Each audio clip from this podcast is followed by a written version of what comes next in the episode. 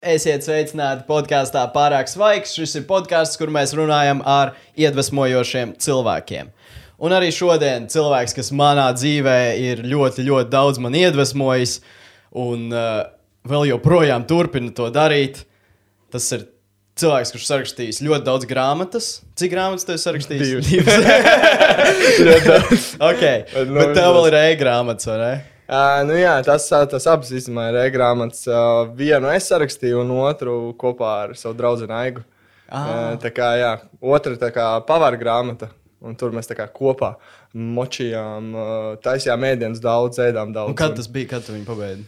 Man liekas, jau diezgan sen īstenībā. Man īstenībā ir plāns pirmo grāmatu atjaunot, uzlabot, jo esmu daudz ko iemācījies jaunu. Līdz ar to nu, man liekas, gribās viņu papildināt. Tāpēc ir laiks viņu jā, nomainīt. Visticamāk, mainīsies arī nosaukums. Eh, viss mainīsies praktiski. Kā jā. kaut kādas daļas vienkārši saglabāšu un visu papildināšu. Plus, vēl tam papildus, tu esi vairākus kursus online sataisījis. Tas, jā. tu esi fitnesa treneris, personīgais fitnesa treneris. Es pat īstenībā sev negribētu saukt par fitnesa treneru. Uh, esmu uh, praktiski tāds tā kā, vairāk veselīgā dzīvesveida treneris. Okay. Man, jo man, piemēram, nu, Protams, treniņa zāle ir mana ikdiena, bet uh, es gribu to vairāk iet no veselīgās puses. Tā kā viss ir par veselīgo, mēs nekoncentrējamies tieši uz svaru zaudēšanu, mēs, mēs koncentrējamies uz to, kā dzīvot veselīgāk, un tad tas viss notiekās pats no sevis. Tas, tas, kas man tevī ļoti arī piesaista, ka tu nefokusējies tieši uz to cilvēkiem, kuri grib vienkārši uzkačāties, būt rītīgi, izskatīties labi, bet reāli justies veselīgi. Jā, jā, un... Tieši tā. Jo tur nāk līdzi tas viss. Un, un man liekas, pats svarīgākais, ko mēs vienmēr palaidām garām, ir tas, ka, nu, kā, ka tu ej uz zāli, cik daudz no mums grib iet stāt, uzstāties uz skatuves, jā, vai iet tur, nezinu, celt kosmiskus svarus. Un, nu, kā, tā, tas procentuāli ir super maz. Tāpēc kāda jēga vispār cilvēkiem censties baigt to ieskaidrot, cik tur, nezinu, jāiet tur kačāties, nezinu, piecas reizes nedēļā vai vairāk. Ir jā, tur jāskaita viss līdz sīkākajai detaļai. To nevienam parastam cilvēkam nevajag. To, to pat man nevajag. Es to nelietoju. Es dzīvoju maksimāli sev ērti. Un to es arī stāstu citiem cilvēkiem. Bet tāpatās tev ir uh, la latviešu galva, bet uh, ķermenis kā grieķu dieva. nu, un, uh, vēl tev ir, man ļoti patīk tava misija. Ir uh, uzlabot visas Latvijas veselību. Jā, tas nu, joprojām ir to. Jā, nu, tas, tas īstenībā, jā, tas man liekas, ar to sākās. Viss pat uh, bija tā, ka uh, es praktiski beidzu savu skolu, stradiņus, stradiņus tā teikt, fizioterapeits beidzu. Man bija tā, ka man bija iespēja doties uz pansionātu, palīdzēt pirmkārt jau savai omītē, kur bija in, ar insultu nonākusi tur un vienkārši es pie viņas braucu, bet pēc tam bija tā, ka uzrun, es uzrunāju pansionātu to vadītāju un viņai piedāvāju, varbūt vēl kādam ir nu, vajadzīgs, jo es tur aizbraucu, tas bija Siguldā arī līdz ar to. Um, es braucu gabalu un domāju, varbūt izmantot to liederīgi. Un tad es gāju vēl pie cilvēkiem. Un tad es ļoti iepazinos ar to vidi, un man bija tāds, wow! Šis ir nu, briesmīgi. Un, un, cik esmu dzirdējis, nav pansionāti, nav īpaši labos stāvokļos. Cilvēki tur nav īpaši priecīgi. Un, un tas, ko man liekas, var dzirdēt arī daudz ir stāstījuši, ka nu, kā, tas, ko mēs varam dzirdēt no veciem cilvēkiem, bieži vien ir tāds nožēla par to, ko varēja, ko vajadzēja. Un, Un tas bija tas, man liekas, no kurienes nāca tā misija, ka nē, es negribu to sev pirmkārt, es negribu to nevienam savam tuvākajam, un es to negribu arī kā, bez mazliet savam ļaunākajam ienaidniekam novēlēt. Tāpēc uh, es vienkārši izdomāju, ka nu, ir jāuzstāda savu misiju, jo bez tā, nu, tā kā, tu ļoti viegli novirzies no tā ceļa. Un, uh, Un tāpēc tā ir jā, tāda liela misija. Es nezinu, kad, kad es to varēšu izpildīt un uh, cik ilgu laiku tas man aizņems, bet uh, tas, tas laikam ir tāda, tāda mūža misija visam mūžam. tas ir ļoti interesanti daudziem arī. Uh, Gary Vaynerchuk, cilvēks, kuru mēs abi ļoti labi mm. zinām un klausāmies, viņš arī stāsta vienmēr par to pansionātu piemēru, jo jā. tā arī ir. 80% ja nemaldos, cilvēki uz savas nāves gultas, kad viņiem pajautā to jautājumu, Viņi atbild to, ka viņus vairāk nožēlo, ka viņi nedzīvoja savu dzīvi, bet mm. dzīvoja priekš citiem. Mm. Es, jā, tas, tas... es pats neesmu bijis pansionātos, bet tas man arī spēj, spēcīgi ietekmējis. Tas, tas, gribu aizbraukt. Jā, jā tas man, man liekas, arī Gerijs to, to pašu saka. Kā visiem iesaka aizbraukt uz pansionātiem. Un tas man liekas, tā ir tāda forša arī labdarība, ko tu vari izdarīt īstenībā. Jo tiem veciem cilvēkiem, viņiem ir garlaicīgi, tur viņiem nav ko darīt. Un tad, kad tu aizbrauc tāds jauns cilvēks, viņi ir Vienkārši tev pat nav, es nezinu, tur jārunā diži ar viņu vai kaut kas tāds. Tev pat vienkārši ir jāsēž un jāklausās. Reizēm arī viņam ir tik interesanti uzreiz. Viņš tā atdzīvojās, viņš vienkārši jūt to tavu enerģiju, ja, jaun, jauno enerģiju, un, un tas, tas ir tik superīgi. Tu pats sajūtīsies ļoti labi, bet tev arī būs tāds nu, reality check, cik tu ļoti savu dzīvi varbūt tās iznieko tajā pat momentā. Ja? Un tu varbūt iespējams sāks domāt par to, ko varētu savā dzīvē uzlabot, lai tu nenokļūst tādā stāvoklī. Jo tas potenciāli ir iespējams diezgan tā kā viss mēs novecosim. Un skatoties, kā mēs tagad dzīvojam, cik mēs nu, maksimāli komforts, komforts, pēdējais līmenis komfortam ir pansionāts. Bet, nu, kā, nezinu, vai tas ir tas komforts, ko tu gribi. Kā, jā, nu, ir, ir tā kā ir ar to.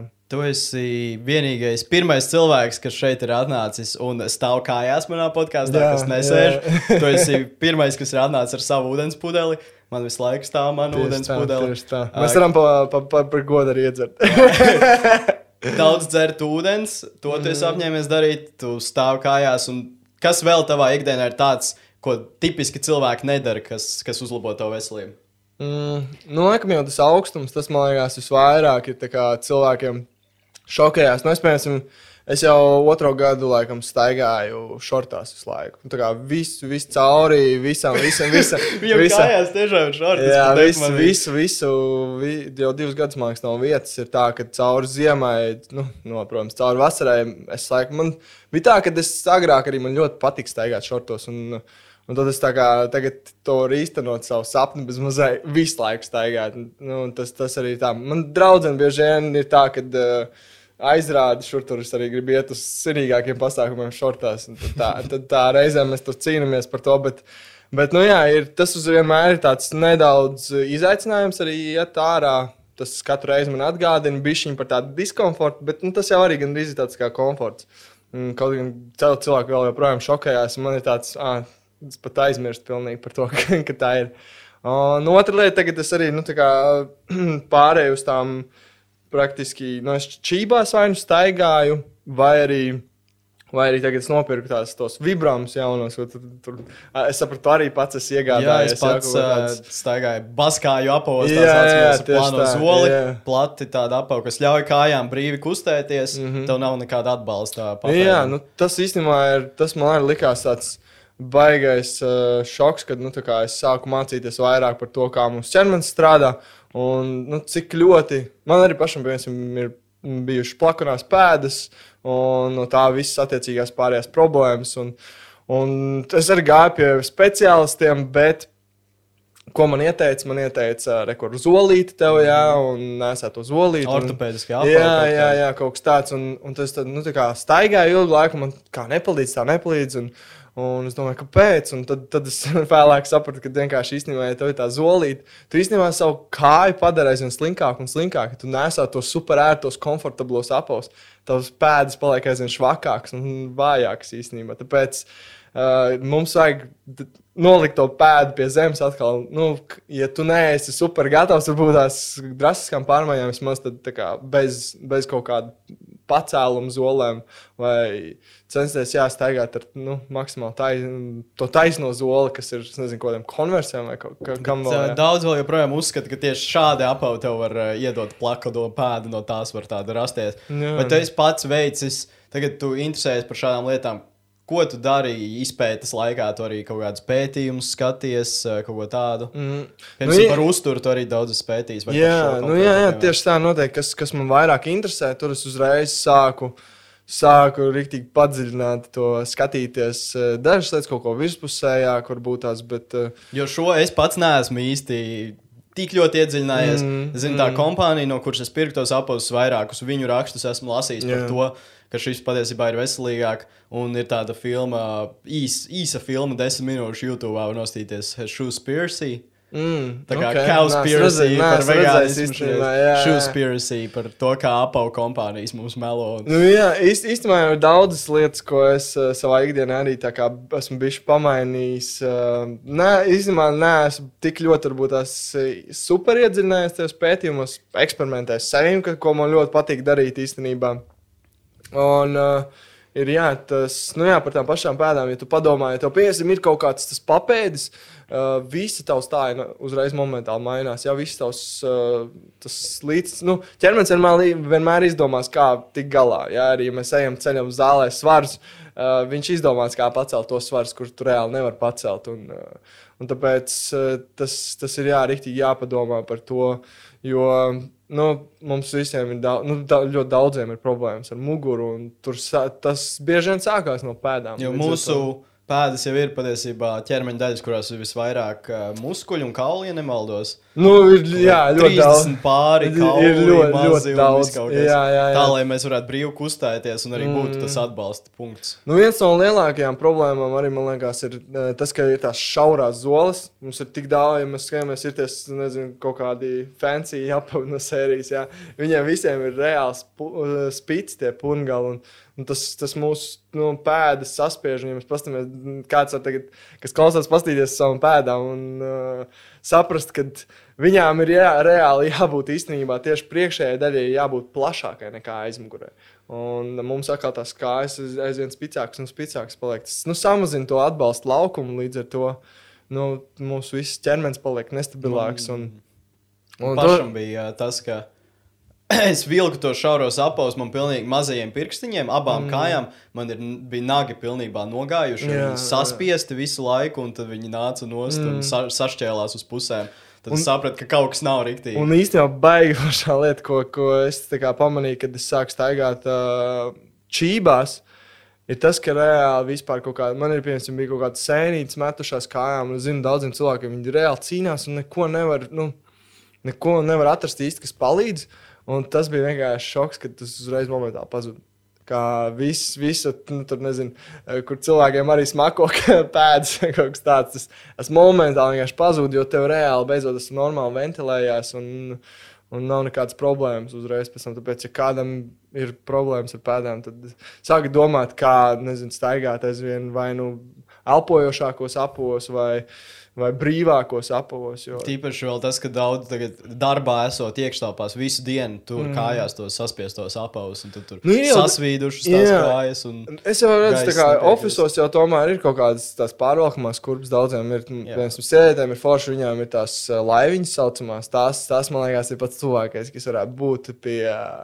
Pie šīm tā saucamajām barefoot. Jā, mm -hmm. un, uh, nu jā, tas, tas noteikti Ir, jā, pie tā ir jāpiedomā. Tāds daudz ir tādas nianses, kuras mēs it kā, ai, tas jau, tas jau tik basic, kā, ko es tur iespringšu, bet īstenībā tas tik ļoti var ietekmēt visu tavu dzīvi. Un, piemēram, es arī, nu, vēl kaut kādas pāris lietas, ko es tagad mainīju, ir, es neguļu ar spilvenu, uh, es uh, nemazgāju zobus ar zopastu. Un, ar ko mazgāju? Ar kurkumu īstenībā. Tikai. Jā, tikai ar kurkumu. Un, un praktiski īstenībā lielākā daļa uh, no, no tā, kas tev tur vajadzīgs, mazgājot zobus, ir tieši tas ber berzēšanas tas mm -hmm. princips, jā, ka tu vienkārši notīri. Un tas, un tu īstenībā negribi baigt tās baktērijas nogalināt, kas tev mutē ir. Jo uh, es tagad lasu vienkārši superīgu grāmatu, saucās uh, Zarnu šarms. Varbūt gan jau kāds noteikti ir dzirdējis. Un tur arī viņa tā sieviete runā grāmatā par, par šīm baktērijām, kas ir, nu, viens ir, viņas ir mūsu zarnās, jā, bet viņas īstenībā ir visur. Viņas ir gan mutē, viņas ir gan uz ādas, viņas ir spieras, nu, pilnīgi visur. Un, un tas, tas uztur mūsu ķermeni. Un, un ja mēs sākam pārāk aktīvi mazgāties, pārāk daudz nezinu, lietot visādus antiseptiķus, kaut kādus, nu, kas nogalina tās baktērijas, mēs nogalinām tās sliktās, jā, kas ir tas mērķis, bet mēs nogalinām arī tās labās baktērijas. Un tad, kad nu, tā tās labās baktērijas nogalina, viņas jau atjaunosies, bet tu atbrīvos vietu arī sliktajām. Un no visām nezinu, baktērijām, kas ir zināmas, nu, nezinu, es nezinu precīzi tos ciprus, bet aptuveni 90 vairāk procenti ir, ir labās, tās vai nekaitīgās baktērijas. Un tad ir ļoti, ļoti maza daļa, kas ir tiešām kaitīgas. Uh, Un, lai mēs izvairītos no šīm kaitīgām, bīstamām baktērijām, mums ir vajadzīgs labās. Un tad, ja mēs nogalinām nu, visu, mēs nogalinām visas. Jā, jā un tad mēs, nu, mēs pakļaujam sev lielākam riskam noķert kādu slikto baktēriju. Jā, tādā ziņā tas var ļoti kā, ietekmēt. Piemēram, tas, kas tajā grāmatā rakstīts, ir vienkārši. Nu, fascinējoši, bet tas ir pavisam kaut kas jauns. Nu, pētījuma ziņā arī pētnieki to viņi pētīja jau to agrāk, bet īsti nesaprata un tikai tagad sāk kārtīgi saprast. Un, Cik ļoti kaut kādam zarnu biomam ir milzīga nozīme arī tam, kā mēs jūtamies, kā mēs esam kā cilvēki, jo tas, tas uh, tik ciešā saiknē sasaistās ar mūsu smadzenēm, kad uh, Zarnas tiek sauktas arī par otrajām smadzenēm. Jā, jā, tagad viņas sauc, jo tā masa arī ir aptuveni 2 kg līdzīgi kā, kā tām, kas ir augšā. Daži pat spekulē, ka tām ir lielāka pat vara nekā tam, tam kas no, no tie galā. Man ļoti patīk tajā grāmatā bija tas teiciens, ka mēs īstenībā visas savas emocijas saistam ar vēdru. Jā. Kad mēs satiekam kādu, tad ir tauriņa vēdrā. Jā. Kad ir nezinu, satraukums, tad sažņaudzās kuņas vai kaut kas tāds. Nu, tā ir ļoti daudzas lietas, ko mēs jau jau reāli saistam īstenībā ar savu vēderu, bet, bet kaut kā jā, cilvēkiem nu, tā attieksme pret vēderu nu, ir diezgan, diezgan pavirša. Nu, man arī bija ilgu laiku pavirša. Es domāju, kāda jēga tur kaut ko uztraukties par to, ko es ēdu tieši. Un, uh, tagad pēdējā laikā esmu sapratis, cik daudz īstenībā tur mazas nianses un cik daudz viss kaut kas var ietekmēt mūsu uh, gramošanas sistēmu. Tas kosmos ietekmē, kā mēs jūtamies, jā, kā, kāda ir tā mūsu enerģija un, un kāda ir mūsu ikdiena. Pēc, eh, tas, tas ir rīktīgi svarīgi par to domāt. Kad es uh, domāju par tām pašām baskāju apaviem, par uh, zobu pastu, es vienmēr aizdomājos, kā cilvēki pagātnē to darīja. Kā, tas liekas tik loģiski. Mm. Kādreiz cilvēki staigāja bez apaviem, vēl joprojām Āfrikā mūsu ātrākie skrejēji, kas nāk no viskaut kādām Kenijām un tām valstīm, yeah. viņi bērnībā skrēja ar basām kājām, tādēļ arī viņiem pēdas ir tik labi mm. attīstījušās skriešanai un kājas. Un arī tie paši, kā cilvēki agrāk, taču nebija visiem zobu pastas, kaut kāds kolgēts, tā kā mūsdienās. Jā, bija arī kultūras, kurām bija šausmīgi zobi, senā mm. Eģipte, bet tur ir atkal citi iemesli, tādēļ, ka viņiem smiltis zobos un viss kaut kas cits. Jā, jā, bet, uh, kādreiz jau arī vienkārši lapas kaut kādas cilvēki zināja kaut kādus augus, kurus tu apēdi sakošļā, un viņi tev attīra mm, zobus. Mm, jā, jā. Un kā, kādas vēl lietas, no kurām tu esi atbrīvojies, vai tu mazgā matus ar šampūnu? Nu, es īstenībā, jā, es izvairos ļoti mm, vispār lietot šampūnus un kaut kādas. Uh, Ah, vēl noteikti dezodoranti, kaut kas tāds. Uh, nu, ik par rētā reizēs kaut kur varbūt tās ejot ciemos, kaut kāda fancy ir pasākuma, tad varbūt kaut kādas bišķiņas smaržas tur. Uh, Bet nu, tā tik minimāli, kad liekas, ka es vairs to baigi nedaru īstenībā. Mm. Un, nu, arī mazgāties matus. Nu, es saku, praktiski ar ūdeni mazgāju. Kaut kā, kaut kā man liekas, vai ir paveicies, vai kas man nav tā, ka viņi ir kaut kādi super taukaini. Vai, uh, es grūti spriest, vai tas ir tā uzturu divas veidu, vai, vai kas tas ir. Jo daži arī kaut ko tādu mēģina, bet visu laiku saka, ka tas nestrādā. Bet jā, tas tāda, tāda kombinācija varbūt tās, eh, kas veidojās no vis kaut kā. Tad, bet, jā, nu, man tas, arī kā, kā tu līdzīgi, es arī cenšos tādu maksimāli minimalistisku to dzīvesveidu skatīties, ko nevis ko man pielikt savai dzīvē klāt, bet ko aizvien vairāk un vairāk atņemt no viņas. Jo, jo mums šajā laikmetā ir par daudz viskā. Tāpēc, labāk, labāk mazāk. Uh, nu, jā. un tad, tad bieži vien īstenībā parādās iespējas, ka tu, to, ko tu dari, tu vari kvalitatīvāk izbaudīt un jā. Jā, izmēģināt. Kā, jā. Vienkāršības māksla, kā saka. Nu, jā, tas, tas īstenībā tas, tas, jā, tas arī man liekas, jebkurā, jebkurā dzīves sfērā īstenībā parāda to, ka. Uh, nu, ja tu arī koncentrējies tieši, nu, tā kā tu novāc visu lieko, tad tu tieši vari koncentrēties uz to, kas strādā arī. Mm -hmm. Jo bieži vien, nu, kad cilvēki arī grib kaut ko sasniegt, tas ne par piemēru, ja tas pats liekais svars. Uh, viņi, viņi ķer no visām pusēm. Viņi tā man vajag treniņus, man vajag tur uztur, man vajag šito, man vajag tur dzert ūdeni, man vajag tur laicīgi iet gulēt, man vajag tur saplānot. Tā kā ir tik daudz, ka tas cilvēks vienkārši, nu, tajā, tajās pašās divās nedēļās izdeg. Mm -hmm. Jā, un tad ir kāda jēga par to mēģināt. Nu, es reāli saku tiem cilvēkiem, labāk sēdi uz dīvāna, ēdi savus čipsus, skaties savu seriālu, izbaudi savu dzīvi rīktīgi. Un, uh, un jā, nekā tu tur tagad divas nedēļas pamocies, tev tagad ir riebums pret to procesu, riebums pret sevīm, un, un tu vienkārši iekrīt vēl dziļākā bedrē. Tāpēc tas, ko, ja kāds klausās un grib kaut ko baigi mainīt ar, ar savu teikt, veselīgo dzīvi, ja, tad, tad es iesaku noteikti, ja tev parādās tā motivācija, kas tagad visiem ir ar jauno gadu, noteikti izmanto to visu enerģiju, kas, kas nāk, lai izdomātu plānu, lai izdomātu stratēģiju, lai atrastu, nezinu, palīgus, uh, lai sameklētu informāciju. Nu, tādā, tādā ziņā tu ieguldies tajā vispirms, lai tu izveidotu stabilu pamatu, un tikai tad tu reāli kaut ko sāc darīt. Un, un iespējams, pat tev nekas vairāk nav sākumā jādara, kā vienkārši jāsāk dzert vairāk ūdens. Mm -hmm. Un tad tu attiecīgi pēc tam pieliec varbūt vēl kādu ieradumu.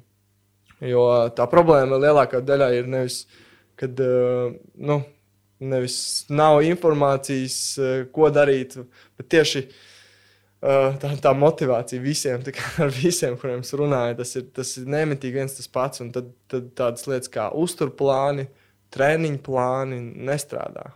Tāpēc, kad, uh, tā vienkārši ir informācija, ko mēs varam katrs atrast YouTube, Google un aiziet. Ne, nezinu, kāpēc cilvēki paliek nu, tikai jā, vairāk un vairāk aptaukojušies, un, un slimības tikai paaugstinās. Tas tāds, ok, laikam, nezinu, tas, tas lietas nestrādā, ko mums cenšas iestāstīt. Es, es domāju, ļoti bieži ir tas, kā tu teici, cilvēki apņemās par daudz. Mm. Un es arī sāku domāt, loģiski būtu, ka tu izveido tādu uzturplānu vai tādu treniņu programmu, kur tu vari darīt ilgtermiņā. Nevis mm. es smējos kaut kādā keto diētas vai ne. Izklausās rītīgi cool, varbūt mm. strādā īstermiņā, bet kam on, tu tiešām gribi visu savu dzīvi nēst pilnīgi nekādus kā, saldumus, ogļu hidrātus. Tas mm. nav reāli mūsdienu pasaulē. Jā, jā, tas, tas noteikti. Nu. Cilvēks skrien pēc ātriem rezultātiem. Tas ir, mm. tas ir neizbēgami. Viss. Es, es arī gribu noteikti ātrāk rezultātus. Tu arī gribi ātrāk jā, rezultātus. Ja? Tas, tas ir tas, kas. Uh, man patīk īstenībā to skatīties tā, ka, nu, ja kāds grib kaut ko sākt, tad vienkārši pasties uz tām lietām un pasaki sev, nu, reāli taisnība. Nu, es vienkārši melos sev, sakot, oh, es tagad tur baigi, tagad sportošu, iešu uz zāli. Ja? Un pēc, pēc kārtējo gadu jau, nevis pirmo reizi, bet jau kārtējo gadu tu vienkārši atkal kā, padodies pēc pāris nedēļām un viss. Reāli paņem kaut kādas tādas lietas savā dzīvē, kas ir, kuras tu redzi, darām sevi atlikušo mūžu. Un tas nu, dažiem liekas, oh, nu, tikai ūdeni pamainīt, nu, tas jau nebūs gana. Komon, ja tu nevari saņemties visu laiku un jau kuru gadu atliec un atliec, tad labāk sāc ar vienu lietu, notur visu to gadu, jau pierādi, ka tu vispār to spēj. Tas, tas jau ir viena lieta, ko tu 365 jā, dienas izdarījis. Tas sapulsojās. Tas kopā. tā sapulsojās, un tas nu, tur varbūt pa vienam procentam, jā, pa katru dienu, bet beigās tu jutīsies pilnīgi citādāk. Un, un tas tik pārsteidzoši par ūdeni. Man tieši arī bija iespēja um, uzstāties ar savu ideju, ar savu to online programmu, prezentēt vienā tādā pasākumā. Un bija otrs cilvēks, kas uzstājās, viņš eh, tieši par ūdeni runāja. Viņa ir tāda, tāda aplikācija, kur tu praktiski vari izvēlēties labāku ūdeni. Un, jā, viņš ir iegājis tik ļoti sīkās detaļās par ūdeni, un tas pierāda, ka ūdens ir īstenībā vēl svarīgāks nekā mēs domājam. Un, un tur arī ir tik daudz nianses, ko var apstīties, ko sāļu daudzumu, tur minerāli. Jā, tāpēc uh, tā lieta īstenībā jau kosmiski uzlabos uh, tavu veselību. Un, un, jā, tas noteikti jautājums uzreiz daudziem būs, cik dzert, jā, uh, cik daudz dzert. Nu, man liekas, katram ir diezgan kā, atšķirīgs tas daudzums. Ūd, to ūdens daudzumu ietekmē arī ēdiens. Uh, Jā, cik mēs sēdam, protams, ja mēs sēdam vairāk augstus dārziņus, tad būs mazāk varbūt tas, tas ūdens, jo tur jau arī ir ūdens iekšā. Uh, tā labākā lieta, man liekas, labāk skatīties tieši pēc tā urīna krāsas. Un ideāli, ka viņš tev visu caur dienu ir nu, tādā šampāniešu krāsā aptuveni. Jā, tas, tas ir labākais, laikam, rādītājs. Jā, no uh, šampāniešu pudeles Jā, tā kā tas, tas tāds. Un man īstenībā bija interesanti, es izdarīju tieši tādu mazu uh, aprēķinu. Uh, lai nu, es, es dzeru tagad sanāk kaut kādas četras šādas pudeles, kas ir uh, 700 ml. Un, jā, un tad tie sanāca priekš manīm tādi lieli uh, 37 malki. Un tas liekas, tas nav nemaz tik daudz īstenībā. Un, Skalīgi. Jā, un tas sanāca tā, ka reizes 20 minūtēs pa vienam malkam, ko tās aptuveni 12 stundās var izdzert 3 litrus. Un, nu, varbūt tev nemaz nevajag tik daudz. Jā, tad, tad, uh, tad, jā, tad tas, tas, tas paliek reālāk. Īstenībā daudzas lietas sarēķinot, paliek ļoti interesants. Bet, uh... Tu tur stāstīji par tiem minerāļiem un to visu. Vai mm. tiešām tik ļoti tajā ir jāiedziļinās, kādu tu ūdeni dzer vienkārši no krāna? Nē, tu... nu, Es domāju, tas, tas, kā, tas atkal ir nu, tādā ziņā, tas var uzlabot tā, to efektu noteikti. Bet, uh, ja tu tikko sāc kaut ko darīt, tad neuztraucies par tādām lietām. Vispār, ne, es domāju, baigi neiedziļināties tās tajās niansēs, sāc vienkārši rīkoties, sāc darīt, un, un ar, ar, ar laiku sapratīsi. Ja? Nu, protams, turpini interesēties, turpini skatīties. Un, Tad jau ar laiku tā informācija nāks un sapratīs, kas strādā tieši priekš tevīm labāk, ja tu izjutīsi labāk. Jo es, piemēram, savu ķermeni jau rīktīgi, nu, izteikti jūtu kaut kādas mazas pārmaiņas, kas, uh, kas ir diezgan, nu, tādā ziņā cool. Jo es varu ātri saprast, kas priekš maniem strādā un kas priekš maniem nestrādā. Un tad arī te ir tas pats variants. Vienkārši paskaties, pamēģini, un uh, tad jau ar laiku izdomāsi. Tev ir arī pieredze strādājot ar klientiem, kā ir aptuveni cik procenti vai kā to pateikt, cilvēku pieturās pie, pie visiem tiem uzstādītajiem, pie fitnesa programmas, piemēram, ko tu viņiem sastādi. Nu, tā, protams, kaut kādas lietas, ko cilvēki patur īstenībā. Es esmu redzējis, man īstenībā ir tas, ka, nu, kā, tā kā es pats ar nēdu, piemēram, tos dzīvnieku produktus. Par tad, jā, tad ir tā, ka nu, katru reizi cilvēkiem to piedāvāju, saka, tas ir tāds superīgs variants, jo vienkārši dzīvnieku produktos ir vairāk kaloriju, jā, vairāk tauku vielu, nu, arī visādu riska faktoru, par ko mēs vēlāk parunāsim. un, uh, un, jā, un tad uh, jā, es, uh, es cenšos uh, maks, nu, piedāvāt cilvēkiem to iespēju pamēģināt. Uh, to veidu, ka nēst eh, šos dzīvnieku produktus. Un īstenībā ļoti daudz cilvēki to veiksmīgi pieņem un pamēģina. Un nav tā, ka obligāti es saku, tev visa obligāti ir jāatsakās no visa, un tev jākļūst par vegānu, bet uh, vienkārši pamēģina atteikties pakāpeniski. Un, kad cilvēki to izdara, viņi visi sāk justies labāk, viņiem visiem paliek vairāk enerģijas, viņiem visiem ir vieglāk sajūta, viņiem visiem vieglāk nāk liekais svars nost. Un tas nav tā, ka, oh, tas ir tikai priekš kaut kādiem izredzētiem. Tas ir visiem, visiem, kuriem kur ir pamēģinājuši to, un praktiski ir sanācis, man liekas, pēdējos, nezinu, man liekas, kaut kāds 11 klients jau pārliecināti par to. Un, uh, un tas nav tā, ka es viņiem kaut ko spiežu un saku, tas ir vienīgais veids. Es vienkārši iesaku tā diezgan vieglā veidā, un viņi pamēģina, un viņiem tiešām veiksmīgi tas notiekās. Un, un esmu daudzus redzējis arī, kas pēc tam kā, turpina to darīt, uh, nu, varbūt mazāk vai vairāk, bet uh, ir arī bijuši cilvēki, kas reāli pievēršas vispār maksimāli tam un pāriet. Uh, Uh, uz tādu augu bāzes, uzturu pilnā līmenī. Līdz ar to tas, tas man liekas, strādā ar uzturu ziņā.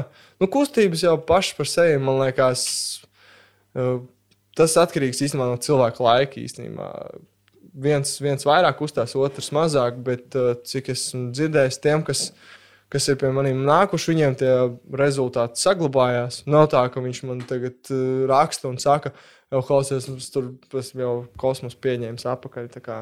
Neviens, neviens nav, nav tādā, tādā ziņā man kaut ko teicis, ka, ka ir uh, pēc tam švaki un neko nesaprot. Jo daudz lietas, ko es pastāstu, ir diezgan vienkārši saprotams, atkarīgs vienkārši no tā, vai tu to. Tā teikt, tavs, tavs mērķis tavā dzīvē ir veselība vai nav. Un, nu, ja tu vienkārši nenovērtē veselību, tad nav svarīgi, ko es tev saku. Jo, ja tu nezini, nezini, ko tas nozīmē, tad, uh, tad nav jēgas. Tāpēc es daudz runāju piemēram, par to, kāpēc. Tik līdz cilvēki sāk saprast, kāpēc, tad viņi paši piedomā tām, pie tām lietām. Un, protams, ir daudz momentu dzīvē, kas, kas, kas var tevi iedzīt kaut kādā nezinu, tumšākā brīdī, tumšākā vietā.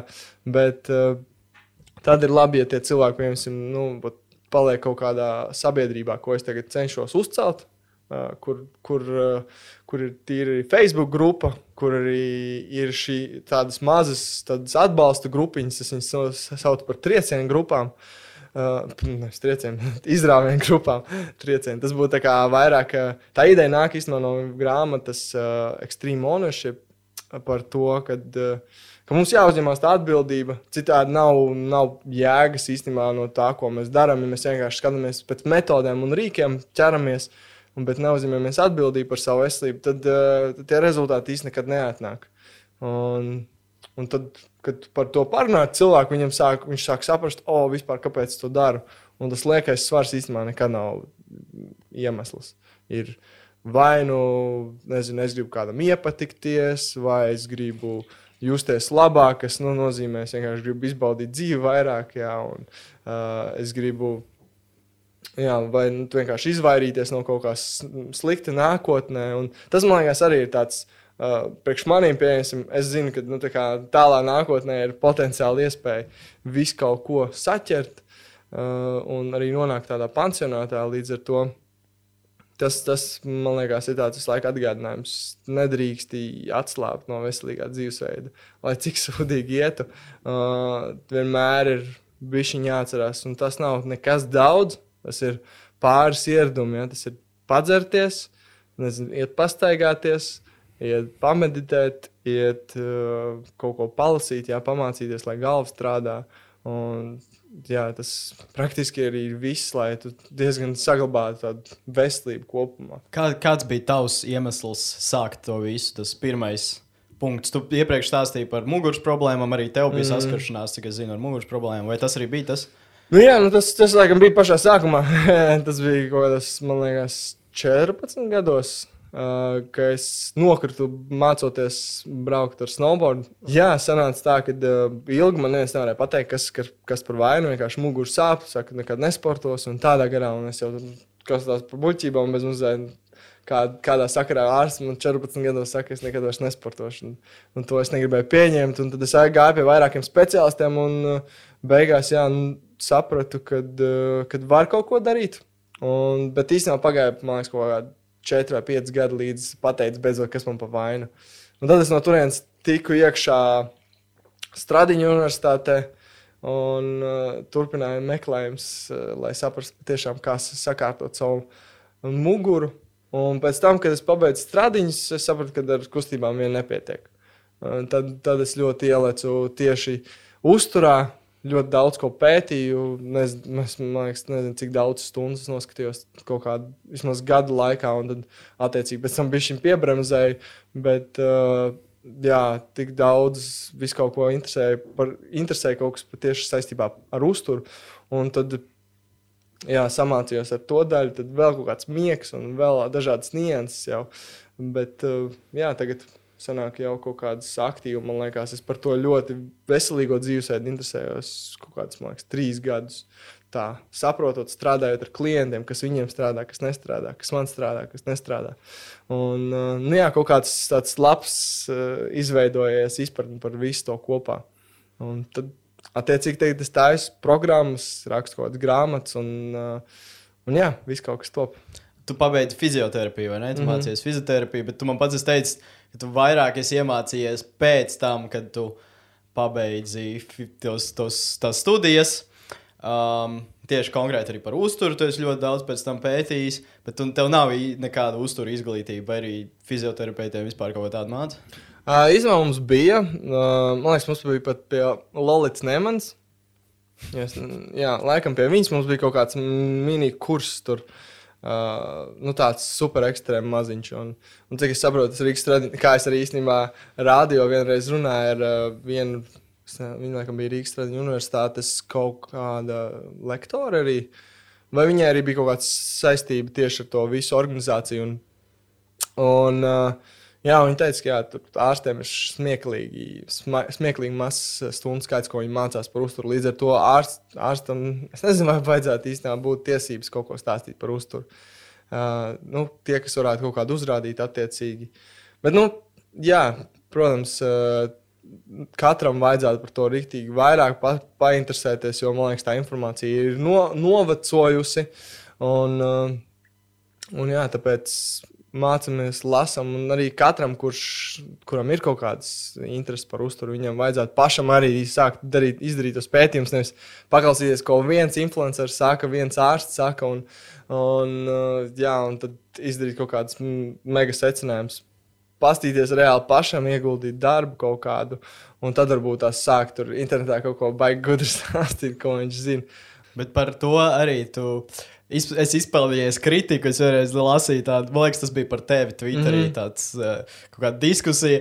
Eju, jūs esat dzirdējuši par to fizioterapeitu, kurš stāsta par vegānismu, ka vegānisms ir super veselīgs vai kaut ko tādu. Yeah, Tur viss es... rītīgi heitoja to tevi es, būtībā. Es, es neesmu redzējis to tvītu īstenībā, es gribēju viņu atrast. Es mēģināju, es nevarēju atrast. atrast es, es arī gribēju atrast. Un, galvenais, tas smieklīgākais ir tā, tas, ka tā sieviete, kas laikam ierakstīja to komentāru, Viņa bija uz vietas, bet viņai nebija nekas sakāms tajā momentā. Jo tad, kad es runāju ar tiem cilvēkiem tajā lekcijā, visiem bija reāli pozitīvi, visiem, kuriem bija jautājumi, viss tika ļoti veiksmīgi atbildēts, un nevienam bija, nebija nekādu komentāru.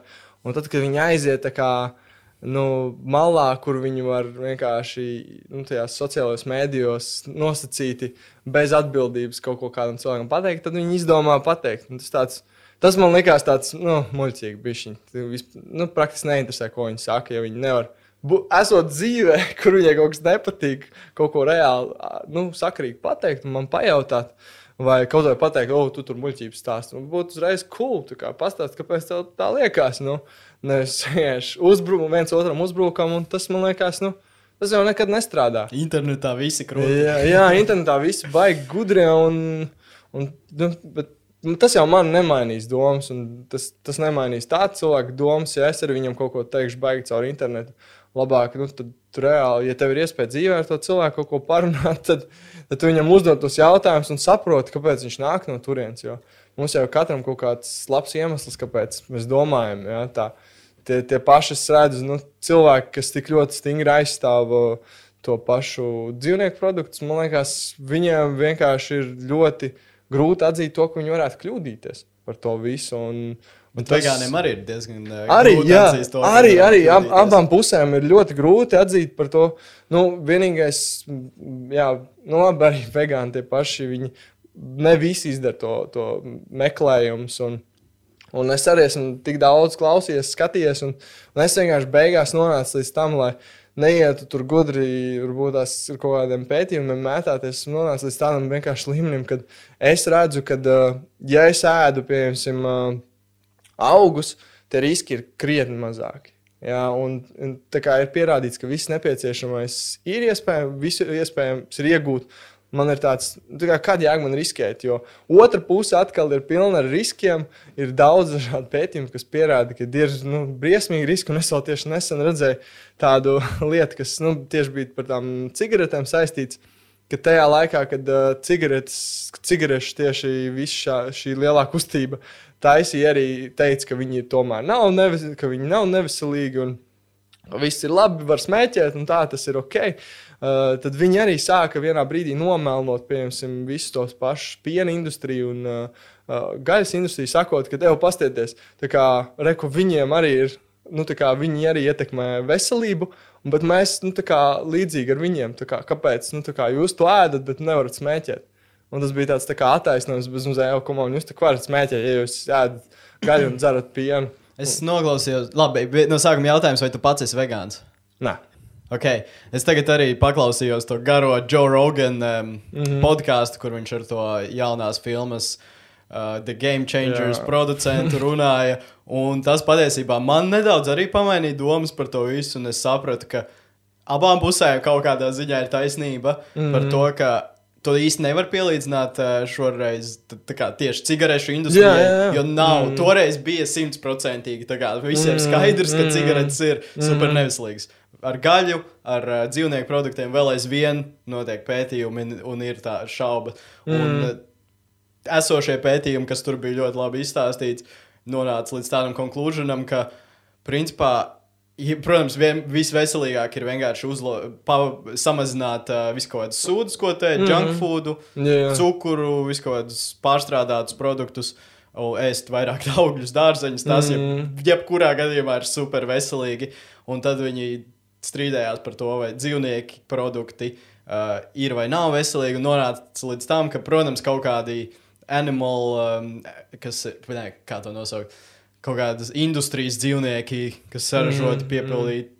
Sabarot ar visu kaut kādām antibiotikām un visu kaut ko, tas, tas nav veselīgi mums. Yeah. Un, diemžēl, 99% gaļas, kas tiek patērētas pasaulē, nāk no, no turienes. Yeah, uh, bet, tā. pieņemsim, ja tu ēdi nelielos daudzumos kaut kādu paša medītu Jā, dzīv, medījus, dzīvniekus, jā. vai arī uh, tos, tos, tos, tos grass-fed beef, piemēram, kad ir uh, Tur arī ganītās govis. Tur arī daudz ritīgi. runā par to, ka vai viņas patiešām ir. Nu jā, arī, arī Tā fakti. kā, nē, nu ir daudzas lietas, jā, par ko. Bet problēma ir, ka lielākā daļa nedara to. Un loģiski, ka cilvēki pērk mm, veikalos, un tas, tas nav veselīgi, kā tu saki, ir daudz riski saistīti ar to. Mm. Uh, plus vēl trešdaļa, ne, divas trešdaļas cilvēku patiesībā nepanes piena produktus. Mm, mm. Un uh, tas, jebkurā gadījumā, ir dabai draudzīgāk. Un tas ir Nu nu, jā, planēta jā, šobrīd, jā, jā, tieši jā. tas tie efekti, ko atstāja dzīvnieku mm. industrija.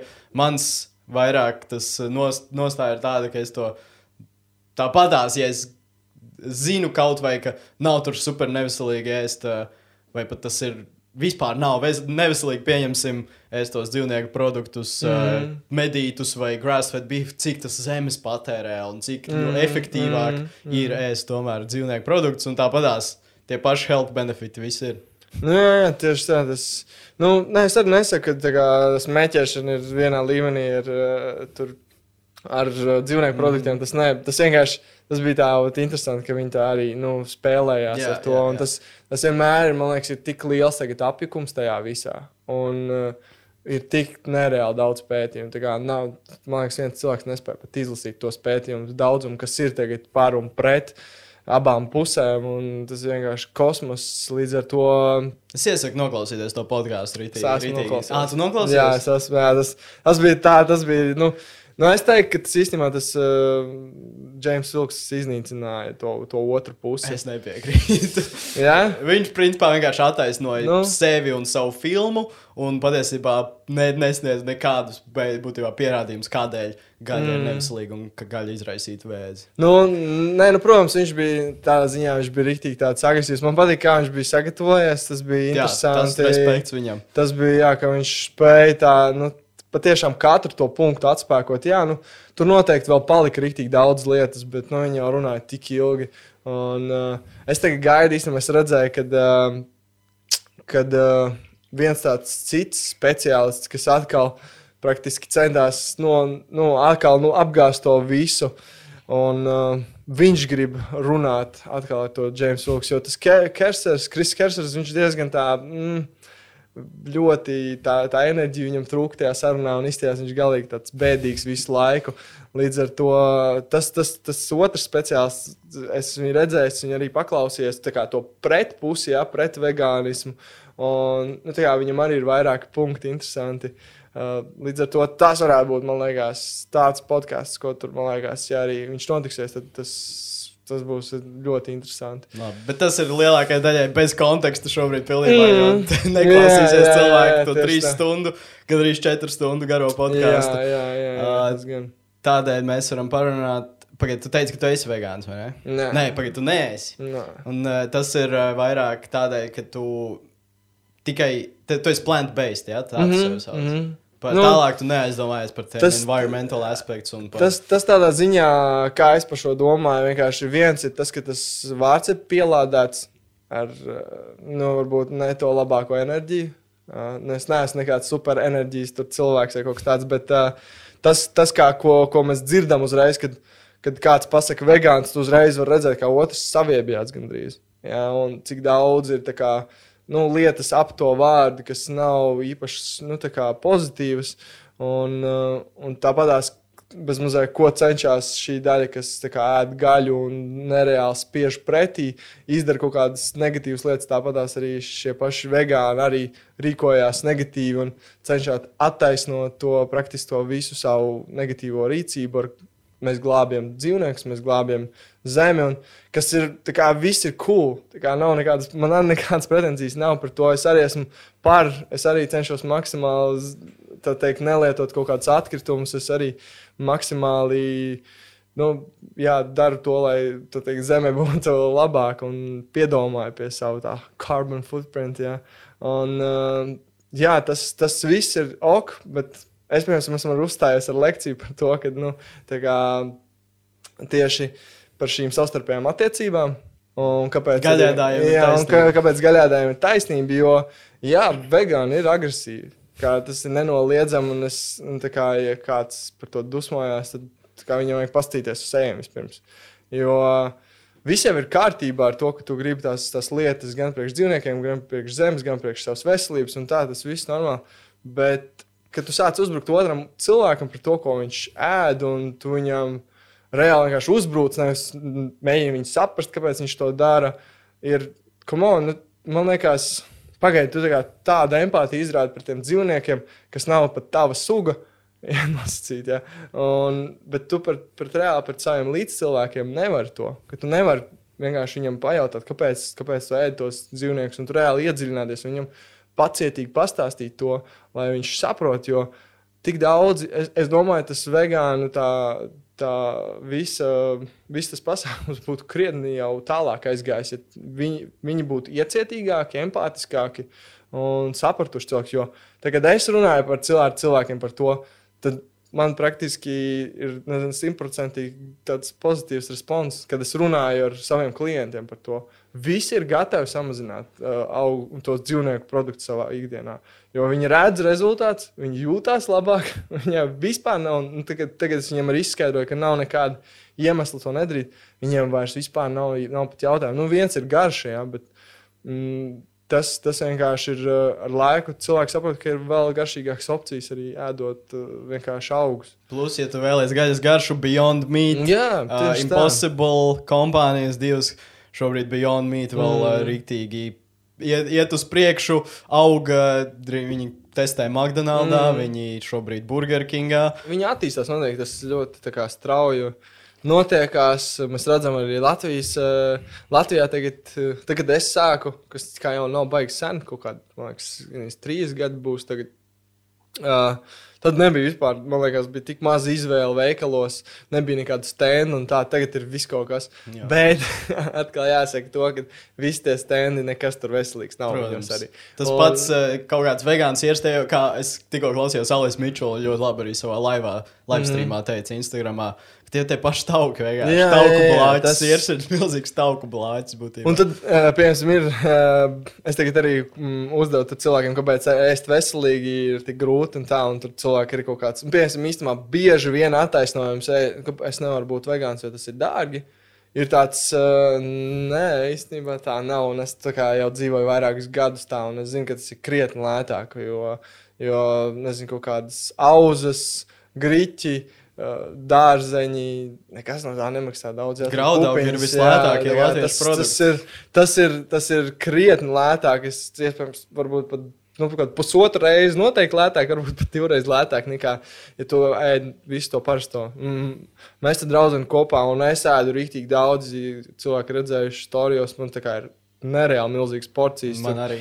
līdz reizēm līdz 3,5-4 tūkstošu kalorijām dienā, kas ir ļoti daudz, ļoti daudz uh, milzīgu šķīvi.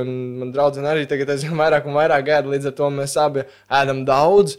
Uh, bet tās cenas mums, man liekas, kaut kādi 250 eiro mēnesī, mm -hmm. kas, kas man liekas. Nu, Nav daudz, un, ja, ja tu ne, tev nav plāns, tur nezinu, uzņemt masu vai ko tādu, tad vispār man liekas, varētu tik, tik maz iztikt, ka vispār. Uh, tas būtu bez problēmām. Man jau arī ir video, kā paēst lēti par vienu jā. eiro. Tas viss. Tā kā viss nu ir graudīgi, mūsu tā. latviešu kartupeļi super lēti. Mm. Tas jau ir vairāk jautājums nevis vegāniski vai kā ir dārgi ēst, bet uh, ko tu ēd, kā, kādus mm, produktus izvēlējies mm. pērt. Gan vegāniski var būt dārgi, gan arī jā, tāds uzturs var būt dārgs. Tā. Ja tu pērci visus sapakotus produktus, vai tu pērci ēd mm. daudz restorānos kaut kādos un tā. Uh, Uh, bet par to, par agresīvajiem vegāniem runājot, mm. man liekas, tas arī ir tas internetā un dzīvē ir itī liela atšķirība. Jā, arī. Jā. Es esmu mm. pamanījis, kā tu saki, runājot ar cilvēkiem dzīvē, visi ir draudzīgi piekrīt. Mm. Es neesmu saticis dzīvē nevienu agresīvu vegānu vai gaļēdāju. Man, man liekas, ka ab, abās pusēs ir diezgan. Diezgan līdzīgi, jo līdz ko es sāku, es iepublicēju savā YouTube, ka es šomēnes būšu vegāns, mm. izaicinājumu mēģināšu. Vienkārši tikai heits apakšā. Tikai heits komentāri. Wow. Es, es, es biju šokā. Latvijā vēl aizvien tik ļoti, un, Nu, man liekas, ir, jā. agresīvie gaļēdāji. ir. Jā, nu, jā, nē, protams, abās pusēs nenoliedzami. Es esmu saņēmis ļoti daudz kritiku, un es zinu, vairāk treneri man liekas. Tad sajūta, ka viņi man heito, un es esmu saņēmis nu, ļoti smieklīgus komentārus no treneriem un, un man liekas, arī uzturu speciālistiem, kas liekas, well, ok, nu tā kā. Cik tev gadu pirms ir, kā, ka tu tādi, ka tādus vārdus man uz manu pusi raidi? Un, Bet dzīvē eh, nav nekas bijis. vai ne? Nu, es neesmu saticis. Nu, dzīvē, jā, nav bijis īstenībā. Brīdīgi interesanti. Līdz Kā ar es to- saku, internetā visi. Jā, jo es biju īstenībā reāli pārsteigts, ka es to lekciju vadīju. Man bija tāds, nu, labi, cik tur atnāk cilvēki. Kā tad tā zāle bija nereāli pilna. Tas bija tāds ok, rīktīgi interesanti. Un, nu, jā, tā lieta cilvēkiem. Tas bija vegānu festivālā. Jā, tas bija vegānu festivālā. Jā. Tā kā tā, tas, tas cilvēkiem arī interesē. Un, nu, jā, noteikti visiem es vienkārši novēlu būt nu, vairāk ieklausīties otrā, paklausīties. Uh, Īsumā man ļoti patīk no Jordana Petersona. Uh, vien, viens no viņas grāmatas, liekas, daļām, jā, viena saucās tieši uh, par to, ka iedomājies, ka otrs cilvēks zina kaut ko, ko tu nezini.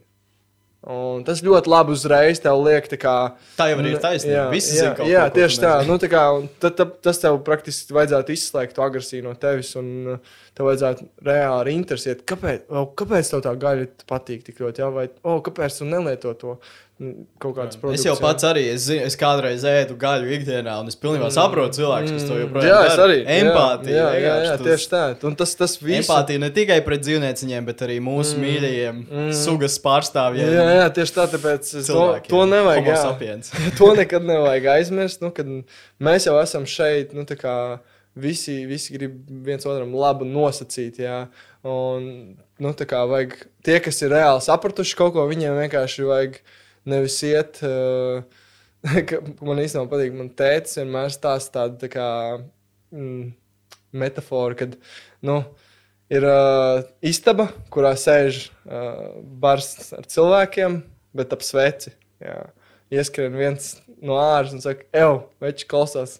Ārā gaišs, varam lokus vaļā. Viņi, nē, nē, viņi vienkārši paņem un izspēr čālā ārā. Mm -hmm. Un tā vietā vienkārši, nu, jā, ka tev vajag reāli parādīt viņam, kas notiekās. Tu aizēji no, nopūt sveci un tu aiztur logus vaļā. Un tu sāc rādīt tiem cilvēkiem, kas notiekās. Jo daudz ir, daudz pat neapzinās, jo joprojām ir tas, nu, tā kā man nepietiks kā Tas jau sen, kā to jau sen stāsta jau visur. Visur mēdījos ir viss, nu, tā kā, ka vēl cilvēki par to nezina, tas ir, nu, kā, tas ir šokējoši. Jā.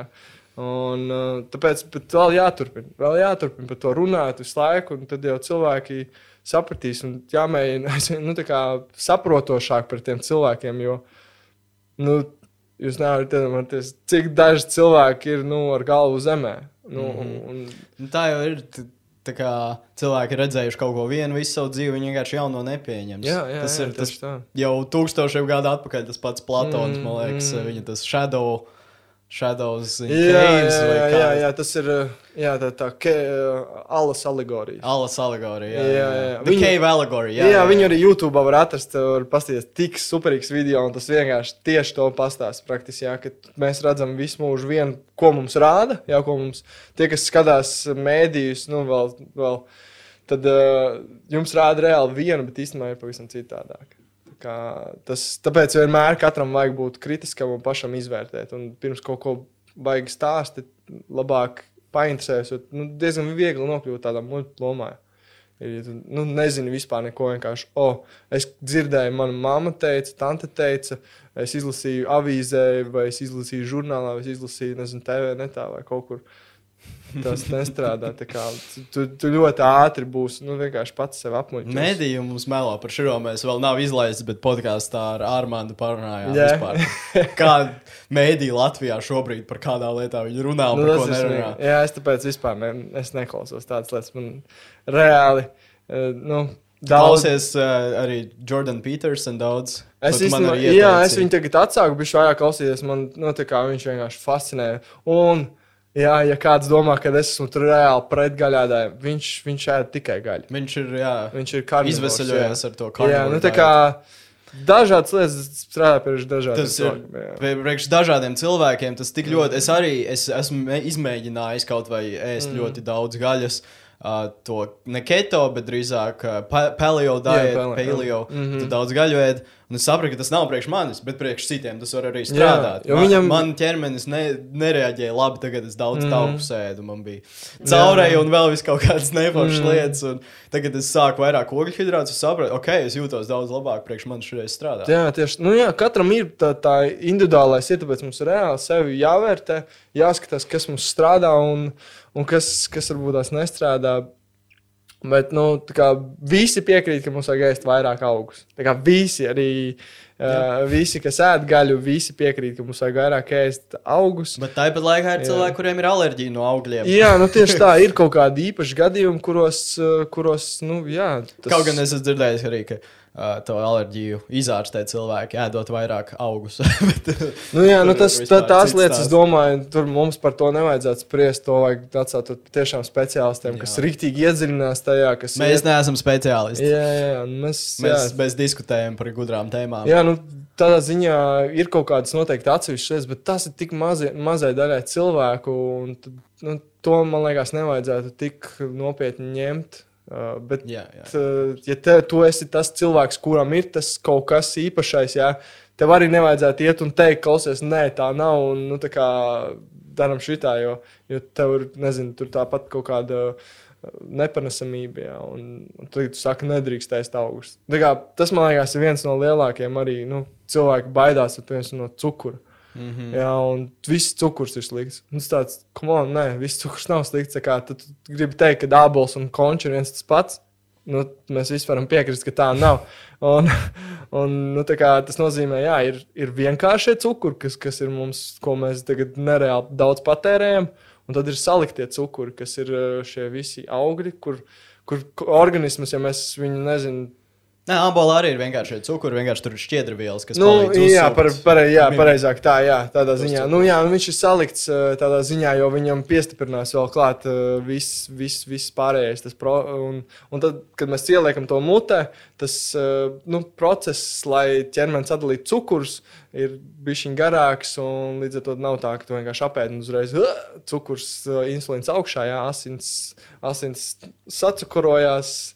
Jā, uzreiz insulīns sāk noglabāt to visu, un, un tad pieņemies svarā. Tad, oh, rekur, cukurs vainīgs.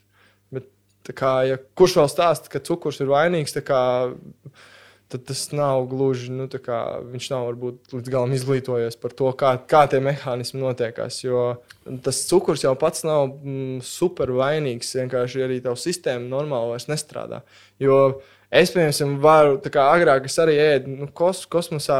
Ne, es esmu arī tagad ēdis vairāk kaut kādas saldumus, bet es nepieņemu svarā. Un tad, kā, oh, jā, tev tur ir labs metabolisms un tā. Bet ir tā, ka daudz arī vecumdienās nepieņemās svarā un vēl. To jau arī var uzlabot. Es pats esmu savu vielmaiņu latviešu būtu mm. -hmm. uh, pātrinājis, uzlabojis, sākot ēst veselīgāk. Mm -hmm. Ļoti mhm. uzlabojis. Jā, jā, tieši tā. Nu, tas lietas mēs daudz mainīt. Hormonālās maiņas jau arī ķermenī notiek. Tas jau ir galvenais, mm. cik Mhm. es zinu, ka, kas palīdz nomest liego svaru, ka tev hormoni pareizi strādā. Un... Nu, jā, ir daudz hormonu. Tas viens galvenais hormons noteikti būs insulīns. Kas, kas nu, visiem ir zināms, jau viss zina, bet tas vairāk ar kaut kādu diabetu varbūt saistās un, uh, un tā. Bet īstenībā insulīns mums jā, visiem kārtīgi izstrādājās, un tāpēc mēs jā, varam normāli to ogļu hidrātus izmantot enerģijā.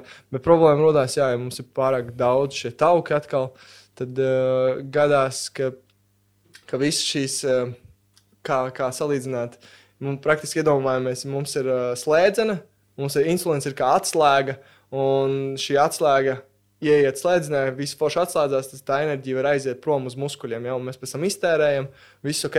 Bet, ja ir pārāk daudz šie tauki, nu, vairāk runājam par, par piesātinātājiem, taukskābēm, transtaukskābēm, kas, uh, kas ir vairāk dzīvnieku produktos. Nu, daudzi cenšas to apgāzt, ka tas neko neietekmē, bet nu, es, ne, es esmu arī lasījis vairākus pētījumus par to. Un, nu, kā, Nezinu, kaut kā pagaidām man vēl nepārliecina tas, ka viņi nav kaitīgi. Un, uh, un, un tad, uh, jā, tā praktiski tā atslēga insulīns iet iekšā, bet tā slēdzena ir aizķepusi. Un tu vienkārši nevari atslēgt to slēdzenu, lai to visu cukuru enerģiju aizsūtītu. Jo reāli cukurs tev dod enerģiju. Smadzenes tikai praktiski uz cukura uh, strādā. Nu, ja tu neesi iegājis keto, tad tev, tu izmanto ketonus, jā, enerģijas vietā.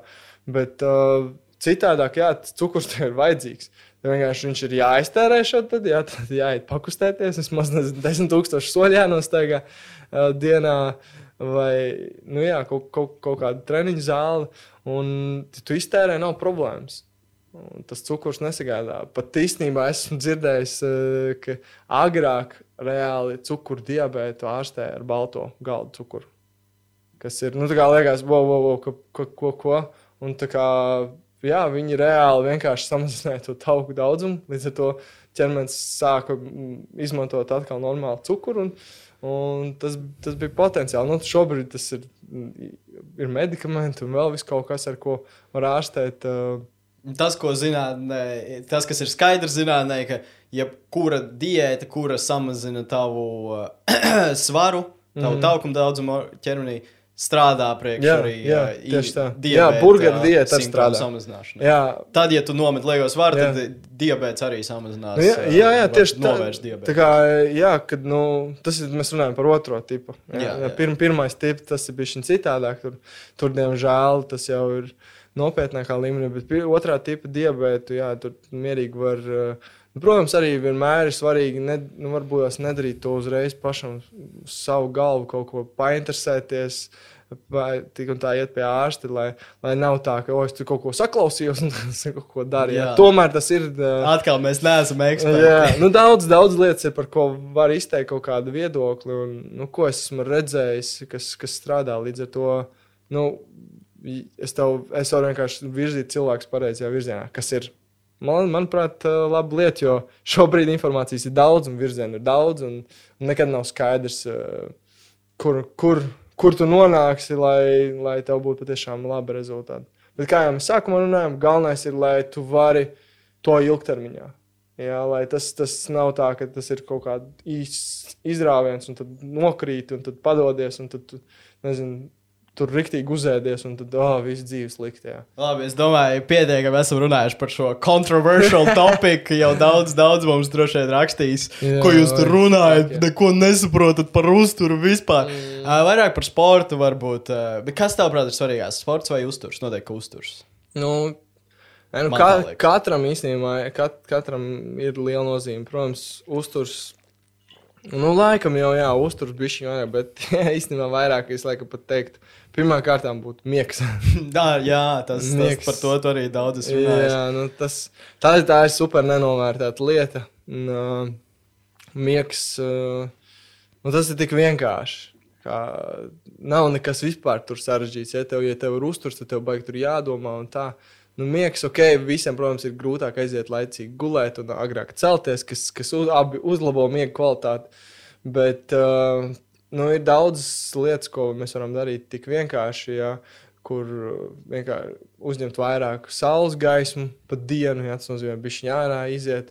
Uh, tur tāpat uztaisīt pilnīgi tumsu savā istabā, jā, iznest savus ierīces, visas ārā no istabas, nelietot ierīces pirms uh, gulētiešanas. Un, uh, Jā, tas pats svaigais gaiss, ko mēs ielaidām istabā. Jā. Tur kaut kādi augi, kas filtrē šo CO2. Jā, un, ir, ir daudz lietas, ko mēs varam darīt, lai uzlabotu miega kvalitāti. Un, Cilvēki un... ir principā vienīgie dzīvnieki, kas speciāli uh, neguļ pietiekami ilgi tikai tādēļ, lai kaut lai būtu produktīvāk vai kaut jā, ko citu paspētu. Vienīgie dzīvnieki mēs esam, kas speciāli sabotē savu miegu mm. neguļ tik, cik vajadzētu. Tas mm. man liekas mm. nenormāli interesanti, kad es to sāku vairāk par to domāt. Kopš tā laika es sapratu, ok, es vienkārši ļaušu gulēt sev, cik ilgi nepieciešams. Protams, arī ir tas. Um, ritms vien, vienāds svarīgs, tā ka tu celies vienā laikā. Mm. Bet tāpat laikā es ļauju sev gulēt tik, cik es. Nu, tik cik man ķermenis saka, mm. ka tev vajag gulēt, tu modinātājs tādēļ nelieku. Es jau arī domāju, ir daudz faktoru, kas tev ietekmē to, un ar kaut kādu laiku tas vienkārši tas ritms nostabilizējās, un tu jau sāksi celties. Es esmu dzirdējis cilvēki, kas ceļās sešos no rīta bez modinātājiem, mm. viņi jūtās lieliski līdz ar to. Es vienkārši par tā ritma noregulēšanu. Un daudz kas jau mūsu ķermenī strādā, mēs vienkārši traucējam strādāt. Tas, tas bezmazliet var iedomāties, ka te caur tevīm jau plūst tas veselīgais. Jā. Tu vienkārši jāvāc visi tie sūdi malā, kas, kas tur traucē. Atkal, jā. kā es sākumā teicu, vēsturē paskatieties, tur viss strādāja. Tagad mēs Mm. vienkārši pēdējos 200, 100 gados esam palikuši stulbi un nesaprotam, paga, kas mūsu ķermenim ir vajadzīgs ēdienā, kā, tā kā, kā, kā mums ir jāēd, kā mums ir jāguļ. It kā mēs to Mm, nezinātu jau mm, jā, dabiski. jā. Nu, jā, nu mēs, mēs nezinu, ir tik daudz lietas, kas mums laikam novērš, varbūt tās tāpēc. Tāpēc uh, tad jākoncentrējas uz kaut kādām, nezinu, uz tur, tur, tur veiksmi. Jā, tik daudz, man liekas, cilvēki arī, o, es gribu tur būt veiksmīgs, es gribu būt laimīgs, es gribu tur sasniegt daudz, un es gribu visu kaut ko, jā. Bet tajā pat momentā cilvēki aizmirst novērtēt to, kas viņiem ir jau tagad. Un tu visu laiku dzenies, jo mēs visi gribam būt laimīgi. Mums visiem, nevienam nepatīk būt bēdīgam, sēdēt, nezinu, mājās un tur raudāt stūrī. Tas tā kā nevienam nepatīk. Tas. Bet uh, mēs visi tiecamies uz to laimi. Un, Komon, kā, ja tu dzīvo Latvijā, tev, tev defaultā gandrīz jābūt laimīgam. Nu, kā, ja tu saproti, novērtē to visu, jo mums ir tik nereāli labi šeit, Latvijā. Vienkārši neiedomājami labi. Es, mm, Reku draugi bija tikko Brazīlijā, uh, Rio de Janeiro. Viņi teica, tur tāda miskasta, tur tā smird viss. Un, nu, tā kā ir tik briesmīgāki apstākļi, kuros mēs varētu dzīvot. Bet mums ir paveicies piedzimt Latvijā.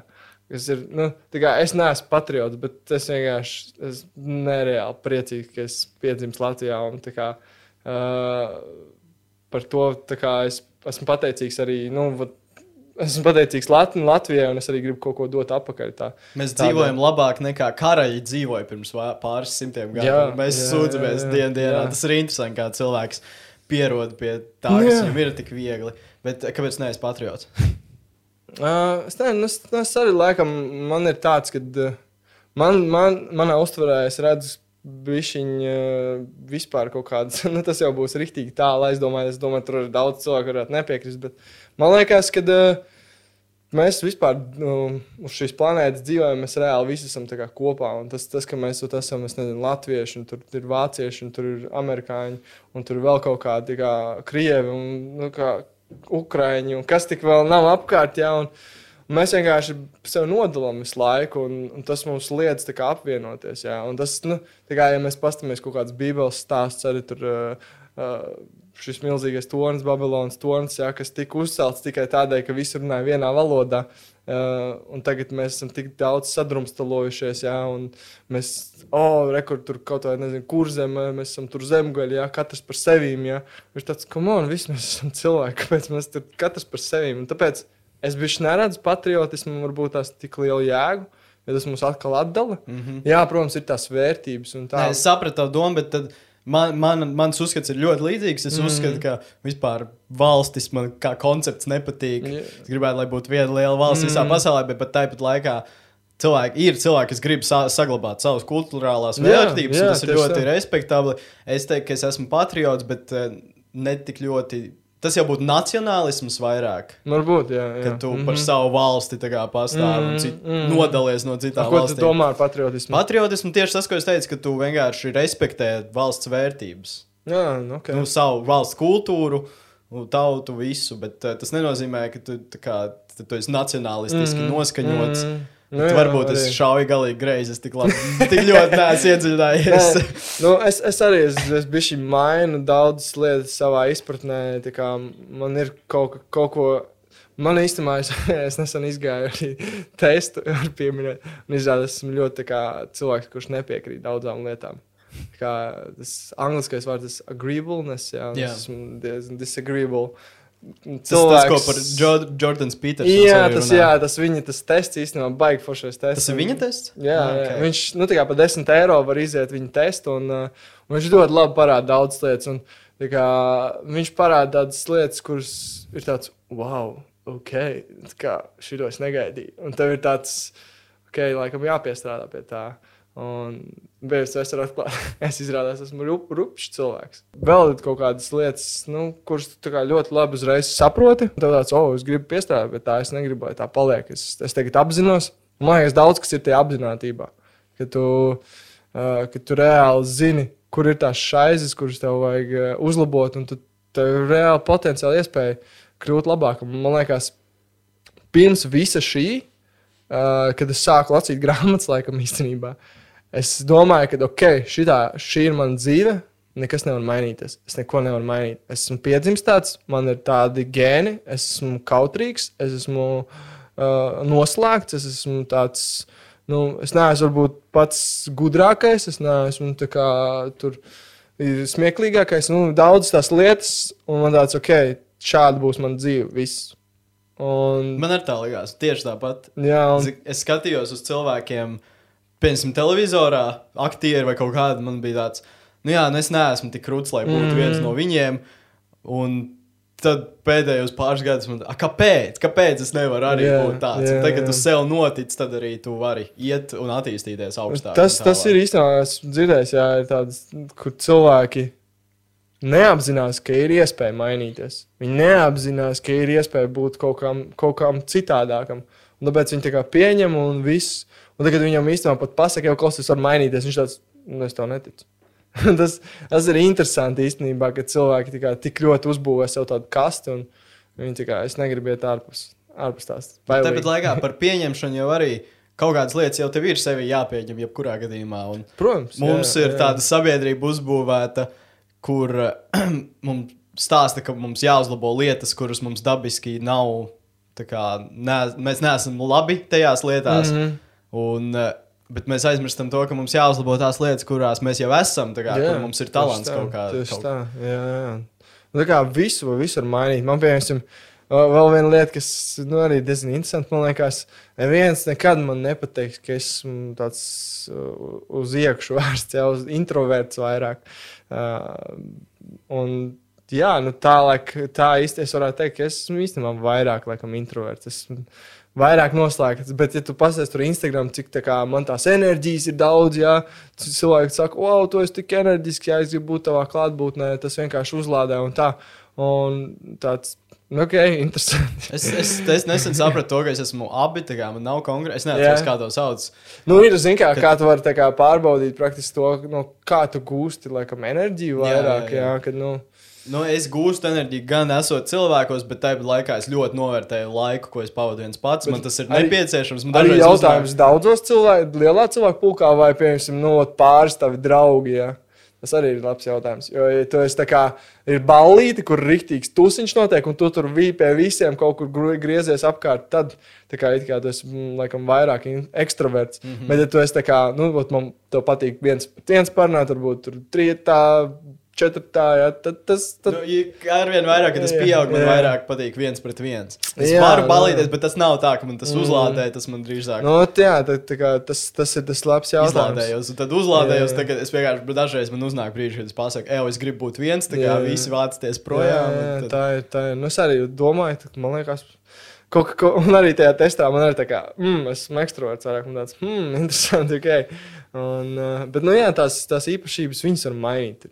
Jo agrāk es nespēju pat pieiet klāt, es nezinu, veiklā kādam uzprasīt, uh, kur kaut kas stāv. Kā, man tas nereāli biedēja. Man vēl aizvien dažreiz biedēja pa telefonu zvanīt kādam. Jā, jā. Nu, man tagad reāli, kad es zvanu klientiem, tas man ir pilnīgi iz, izmetis ārā no tā. Vispār, vairs, vispār nav bail. Tas tā, nu, tā kā visu var iemācīties. Un... Smadzenes ir nenormāli plastiskas, un tagad es to jā. uzzināju arī savos 16 gados. Es sapratu, Man kāds pateica, arī šo tu vari izmainīt pilnīgi visus savus ieradumus. Un... Change your state vispār. Viena lieta, kas jāatzīmē, ir interesantākais. Eh, tev arī klausās jaunāk, eh, jaunāk cilvēki. Tad jāsaka, ka līdz 25 to var ļoti veiksmīgi izdarīt. Pēc 25, man liekas, kaut kāds Tais Lopes par šo stāstīja. Viņ, viņ, viņš bija sadarbojies ar vienu tur eh, psihologu, kas veids arī tieši analīzi par to nu, pētījumu. Un viņš stāstīja, ka līdz 25 tu vari kā, nu, visu kaut ko jā, superīgi tur mainīt. Pēc 25 ir tā, tu mainīsies vai nu, nu ja tu esi nezinu, nu, ļoti motivēts uz kaut ko nu, ekstrēmu. Uh, vai, vai arī tev būs nu, ļoti kaut kāda liela trauma. Mm. Jā, tu nezini, nonāks slimnīcā, tad sapratīsi, ka jāmaina veselība.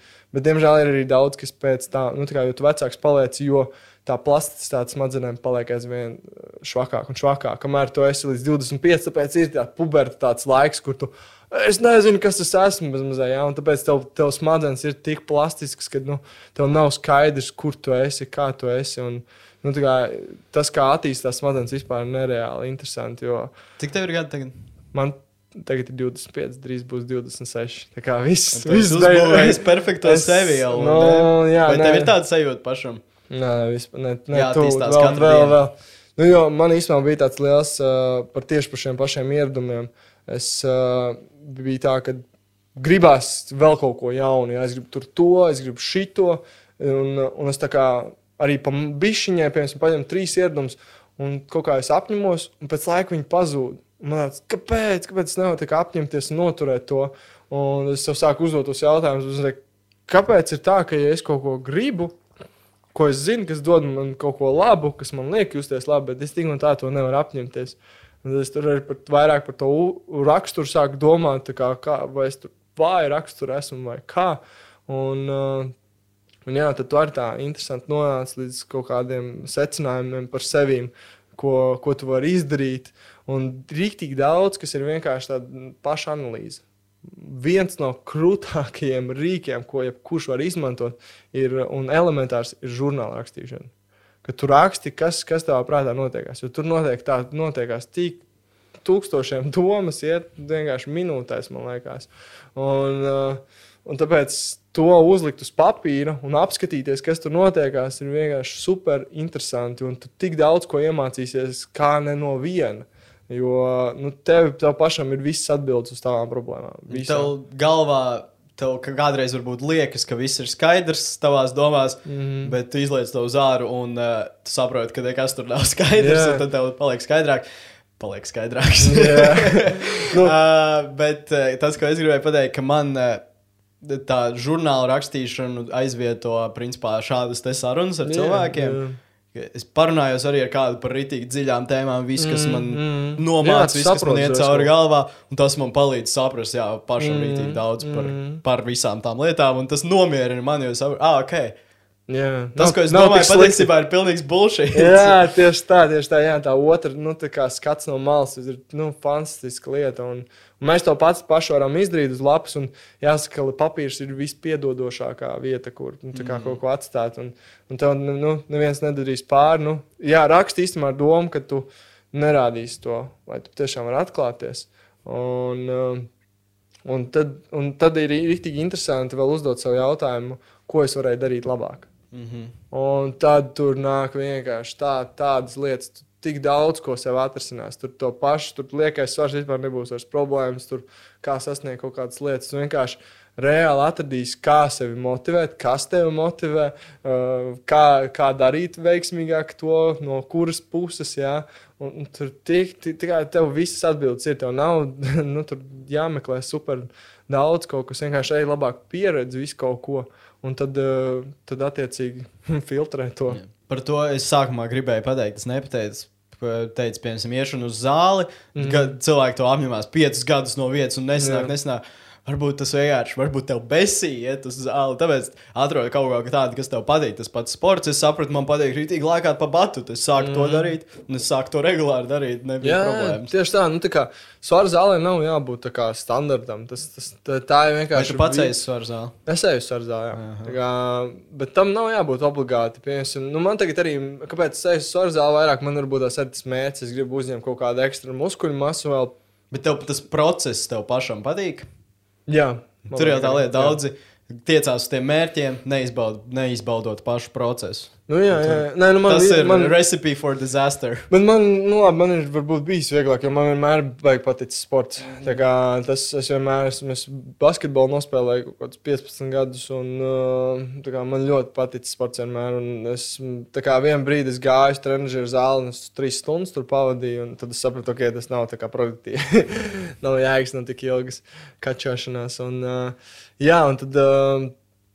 Vienkārši tu saproti, kas, kas ir tās prioritātes. Tas noteikti arī jāuzstāda. Tev jāsaprot, kāpēc tu to dari. Varbūt tu vari mājās vienkārši ingrot. Nu, daudz saka, es nevaru ingrot mājās, jo nu, kā, tad nav motivācijas vispār. Nu, tad jā, ej uz zāli. Varbūt tās ideālākais ir atrast nu, kā, draugus, ar ko iet. Jā, pa, paķert vēl kādu līdzi. Jo es, piemēram, arī visu laiku uz zāli ar, ar um, savu draugu. un Ir tā, ka Viņam pret maniem ir atbildība sajūta, un man pret viņu. Ir tā, ka nevis tu ej uz zāli, un tu nevis domā, o, nu, varbūt šodien nē, tu skrien uz zāli, jo tu negribi to otru cilvēku pievilkt. Un, un tas fantastiski strādā. Tāpēc arī, kā es runāju, minēju par tām izrāvienu grupām, ja, mm -hmm. tas ir tā, ka tev reāli vajag to visu laiku. To Sākuma enerģija, ja, kas tev iekustina. Jo iekustēties ir visgrūtāk. Un... Tad tur var būt arī cit, citādas lietas. Bija kaut kāda piemēra, pieņemsim, kā Mums, mēs abi no tevis iedvesmojāmies par celšanos piecos. Mm. Tas motivators mums bija reāli naudas summa. Arī, jā, jā, jā, un šo jebkurš var izdarīt, tur uzstādīt kaut kādu mērķi.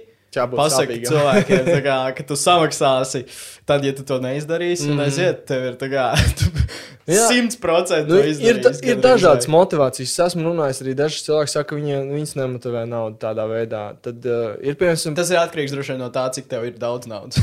arī, nu, arī iespējams. Uh, Vēl noteikti arī, nu, man liekas, tas vairāk palīdz, ka ir tie līdzcilvēki, kad ir tā mhm. blakus cilvēki, kas vai nu mm, vismaz uh, Tāpat, jā, kā es minēju, tajās grupās ir, ka tev ir cilvēki, kas par to runā, kas par to atgādina nemitīgi. Jo svarīgi jau visu laiku ir teikt savām smadzenēm, kā, ej, kaut kas, es to gribu, es to gribu. Un vienā brīdī viņas tāds, tāds nāks pretī. Nebūs tā, ka tu uh, visu laiku cīnies, cīnies viens pats, un viņas tev visu laiku pretojās. Vienā brīdī viņas sapratīs, ah, tas taču ir tas, ko tu gribi. tad, tad viņas sāks nākt nu, pretī, un tev būs vieglāk, un tev sāks gribēties to darīt man ar to, ar to pašu ir bijis. Nu, kā, es esmu redzējis, cik cilvēki kā, mm, par zāli arī viņi sākumā nāk, un viņi oh, grūti, grūti. Nu, kā, pēc tam jau ar laiku viņam ieietās, un viņš aiziet, es gribu nākt, man reāli patīk, man, pat, es, man patīk, kā es jūtos pēc zāles. Un, uh, un tāpēc jā, tas vienkārši ir uh, jāiestrādā uz brīdi, un tad jau tu sajūti tās labās emocijas no tā visa, tas vienkārši sāk notikt automātiski. Bet jā, kā tu minēji, uh, atrod, kas tev strādā. Tas varbūt ir nezinu, kaut kāds komandas sports veids, tas ir kaut kāds cits sports veids, tā varbūt ir vingrošana, varbūt tas ir vienkārši kaut kāda pārgājiena, pastaigas. Jā. Uh, nu, atrast, jā, kas, kas varbūt tevi saist vairāk, jo visticamāk, ja tev baigais, baigais diskomforts visu laiku ir no tā, tad, tad tu nenoturēsies pārāk ilgi. Tas, ka es atradu priekš sevis šobrīd, ir. Mēs vasarā sākām, mēs filmējām video, es tev palīdzēju mm. filmēt katru dienu toreiz. Nu, man parādīja visu kaut kādus foršus vingrinājumus. Man nenormāli patika. Mm. Pēc tā es jutos tik uzlādēts pēc vis tā. Mm. Man tagad rokas sāpēja arī pāris dienas. bet, jā. Un tad uh, es uzsāku pats treniņu programmu. Mm -hmm. Es izmēģināju. Tas arī priekš video. Yeah. Es, uh, nopirku Instagramā. Pirmo, ko es ieraudzīju, Instagram. patiesībā nenormāli labi. Tas, tas bija līdz... latviešu vai? Nē, tas nav latviešu. Okay. Tas ir. Uh, Neatceros, kā to čalīti sauc, uh, bet Shredded Academy, varbūt es dzirdēju. Mm. Uh, arī bodyweight vingrinājumi yeah. ar savu ķermeni. Un tu vari arī viņus mājās izpildīt. Mm -hmm. Tas man liekas nenormāli ērti, ka es jebkuru varu dažiem mm -hmm. vingrinājumiem vai stieni, tad es tos te taisu. Mm -hmm. uh, un tur ir līdzīgi vingrinājumi, kā tu man toreiz rādīji ne, nav kaut kāds stulbs presīts, kas patiesībā nav veselīgs, bet tur ir rītīgi pārdomāti tas viss. Un uh, piecas, piecas reizes nedēļā tie treniņi mm. diezgan daudz. Es jau otro nedēļu to visu daru. Uh, man ļoti, ļoti patīk, un es ceru, ka izdosies arī turpmāk visu gadu to darīt. Un vēl, mm. vēl pēc tam, kāds ir tavs treniņu grafiks, cik dienas nedēļā? Nu, ir tā, ka es īstenībā esmu apņēmies tādu vienu izaicinājumu, saucās 75 Hard. Uh, tur ir 75 dienas, uh, jāveic pieci ieradumi. Viens ir ūdens, uh, viens ir ēdiens, nu, sanāk, bez našķiem vispār. Ne, nu, nevislīgie našķi. Nu, tas arī, ko tu definē kā uh, tādu. Un uh, tad ir uh, desmit lapas puses, tad ir uh, bilde, jāuztais katru dienu bilde. Uh, progresu, un tad ir 2,45 minūšu treniņi. Un, nu, ar noteikumu, ka viens ir ārā, bet es biju pamainījis noteikumus. Es ne, nepiekrītošs cilvēks. Pašam vienmēr ir savi noteikumi. Un, jā, tur ir sanāk tā, ka es vienkārši izdomāju pašā sākumā, kad es pirms sāku, es dom, apzināti par to domāju. Man iet ārā trenēties, nu, no sērijas arī treniņš ir vienkārši pastaiga. Bet tīri, ka tu to dari, tas nu, daudz pat tas ir par to, par to mindset, raksturu trenēšanu. Un, uh, un, jā, un tad es vienkārši izdomāju, ka es gribu nu, vēl vairāk pievērsties pie stājas tieši, lai sakārtotu savu stāju kārtīgāku. Jo, nu, kā, kad tu esi fizioterapeits, kā tu zini tās lietas, bet tu esi līdzīgi kā kurpnieks, jā, caurām kurpēm staigā. Tāpēc tagad ir man tāds mana mans mērķis vienkārši rīktīgi pievērsties stājai. Un to no ārā īsti nevar, diemžēl, darīt tagad. Bet, uh, nu jā, viņš pamainīja noteikumus. Ja kāds grib, Cik tur bija reizes nedēļā vai katru dienu? Katru dienu. Katru dienu. Katru ah, dienu. 75. di- 75 hard, jā, tā kā 75 dienas pēc kārtas, un pēc tam kā attīstās vēl kaut kāds nākošie līmeņi. Un, uh, nu, jā, diezgan interesanti. Visinteresantākais ir tad, kad tev ir diena, kur tev ir piepildīta, un tev ir jāizplāno, un tev ir jāizdomā, kā to visu salikt. Un tad tas kā padara to reāli sarežģītu, jo vienkāršajās dienās jau nav problēma. Tas daudz šādus izaicinājumus. Kāpēc tu turpini tieši tos kaut kādus vairāku mēnešu izaicinājumus pildīt? Nu, Tas man liekas, jā, tas vienkārši audzē tev, nu, tā kā tavu, tā teikt, to pašu raksturu, jā, vienkārši disciplīna veidojās. Tur, tur arī, man liekas, ir viss tā veiksmes atslēga, jā, ko daudz meklē. Tas vienkārši ir uh, nu, tāds nepārtraukts darbs, regulārs. Ne, nepārtraukt. Re, uh, Regulārs. Konsistencija, Jā, nu, jā, tas ir nu, pats jā, jā, jā, jā. Ties, nu, tas ir jā, tas tā regularitāte. Tas, tas ir nu, kā viss, visu rezultātu atslēga ir tas. Un tur nav svarīgi, praktiski, ko tu dari. Kaut arī tas būtu būt kaut kas super simple, bet uh, ir galvenais ir regulāri, ka tu to dari. Tāpēc ir jāizdomā, kurš ir tas līmenis, no kur tu vari sākt. Jā, kur ir tā uh, kaut kāda nu, bezmazliet minimālā efektīvā doze. Ko, ko tev vajag, lai tu justu, ka kaut kas notiekās. Mm -hmm. nu, kā, kad tu jūti, ok, es tur padzeru ūdeni, es jūtos bišķiņa labāk. Jā, un pie, piemēram, daudziem cilvēkiem, kuriem ir pamsts sejas vai kaut kas tāds, īpaši no rīta, ūdens var palīdzēt diezgan ātri. Jā, un tāpat tās tur vēderam. Tā kā tas, tas ir svarīgi saprast, nu, no kurienes tu vari sākt, lai nav tā, ka pat daudz atkal. Nu, tas, vien, tas vienmēr, man liekas, tam, nu, uz to tā aizies, mēs aiziesim līdz tam atkal, kad, kad nevajag darīt par daudz, vajag tā, lai tu vari to turpināt ilgi. Interesanti, kā mēs par vienu un to pašu principā runājam no viskām kādām perspektīvām. jā, Bet jā. tas ir svarīgi, lai saprastu arī cilvēki. Mm -hmm. Jo pašam man it kā tev.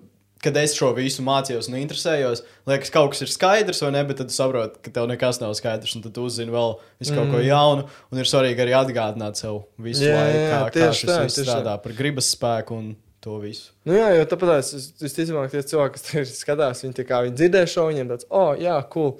Un pēc, pēc, nezinu, pēc mēneša viņiem bācis, es gribu reāli šo saņemties. Viņi jau būs, nu, tā kā atkal tas viss. Klausieties šo atkal un atkal. jā, jā, tieši tā. Jo, nu, tas, tas, man liekas, arī Gerijs bija kaut ko tādu teicis, ka nu, tā kā viņš laiku stāsta vienu to pašu, bet cilvēki joprojām fano par to.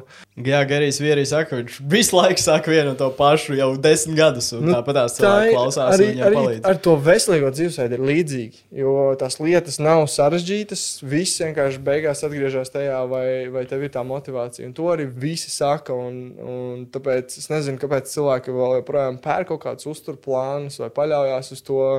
Uz tiem pašiem treniņu plāniem tas īstenībā nekad nestrādā. Tev, Tas strādā tad, ja tu pieturies. Jā, tas tu vari iedomāties tā, ka tev bez mazliet ir spuldzīta, jā, bet tev nav tās elektrības.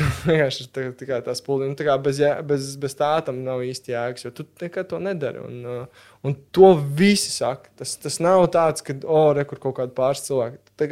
Es to dzirdu dienu, dienā, visu laiku, kad nu, kā, man pietrūkst motivācija, kā, man vajag to bezmazliet, kā man daudz teica, pendeli. Ja?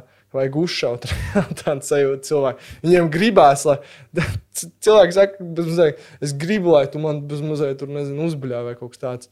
Nu, es nezinu, vai tas, tas atkal ir tas labākais, jo tad. Ja tu uh, pats neiemācies. Jā, jo, jo visticamāk, tiklīdz es vairs to nebļaušu, tu aizies mājās un pierīsies bezjēgā. un Kāda jēga bez mazliet tev bļaut, bļaut virsū? Tev pašam tas pieaudzis cilvēks, nu tad sāc uzņemties atbildību un reāli, ja tu gribi kaut ko sasniegt, beidz sev mānīt un sāc kaut ko pišķiņu darīt.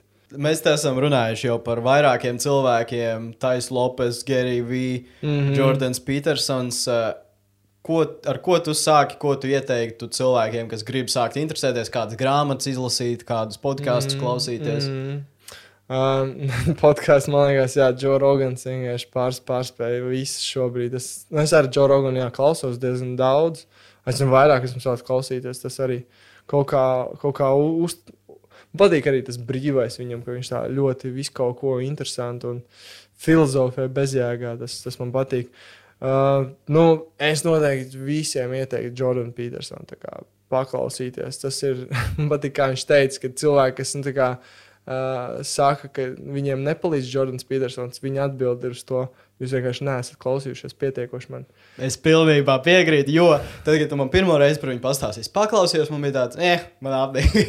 tā kā es neko tur interesantu neskatīju. Tagad, burtiski pirms pāris dienām, es atkal svētdien, man liekas, es sāku klausīties viņu, un man bija tāds bats Tik mhm. labi, kāpēc es iepriekš to mhm. visu. Es klausījos kā to pašu, bet es nesadzirdēju vienkārši to, kas tur ir. Kā, nu, viņš, viņš ir vienkārši. Jābūt fenomens. gatavam laikam, lai to sāktu klausīties. Arī nu, viņš ir viņš par smagām lietām runā. Jā, viņš runā par visām traumām un visu to dziļo pasauli, kas, ko mēs negribam daudz atzīt. Un, un to es pēdējā ļoti daudziem grūti ir to uztvert, tāpēc, ka negribās mm. iedziļināties sevi. Un...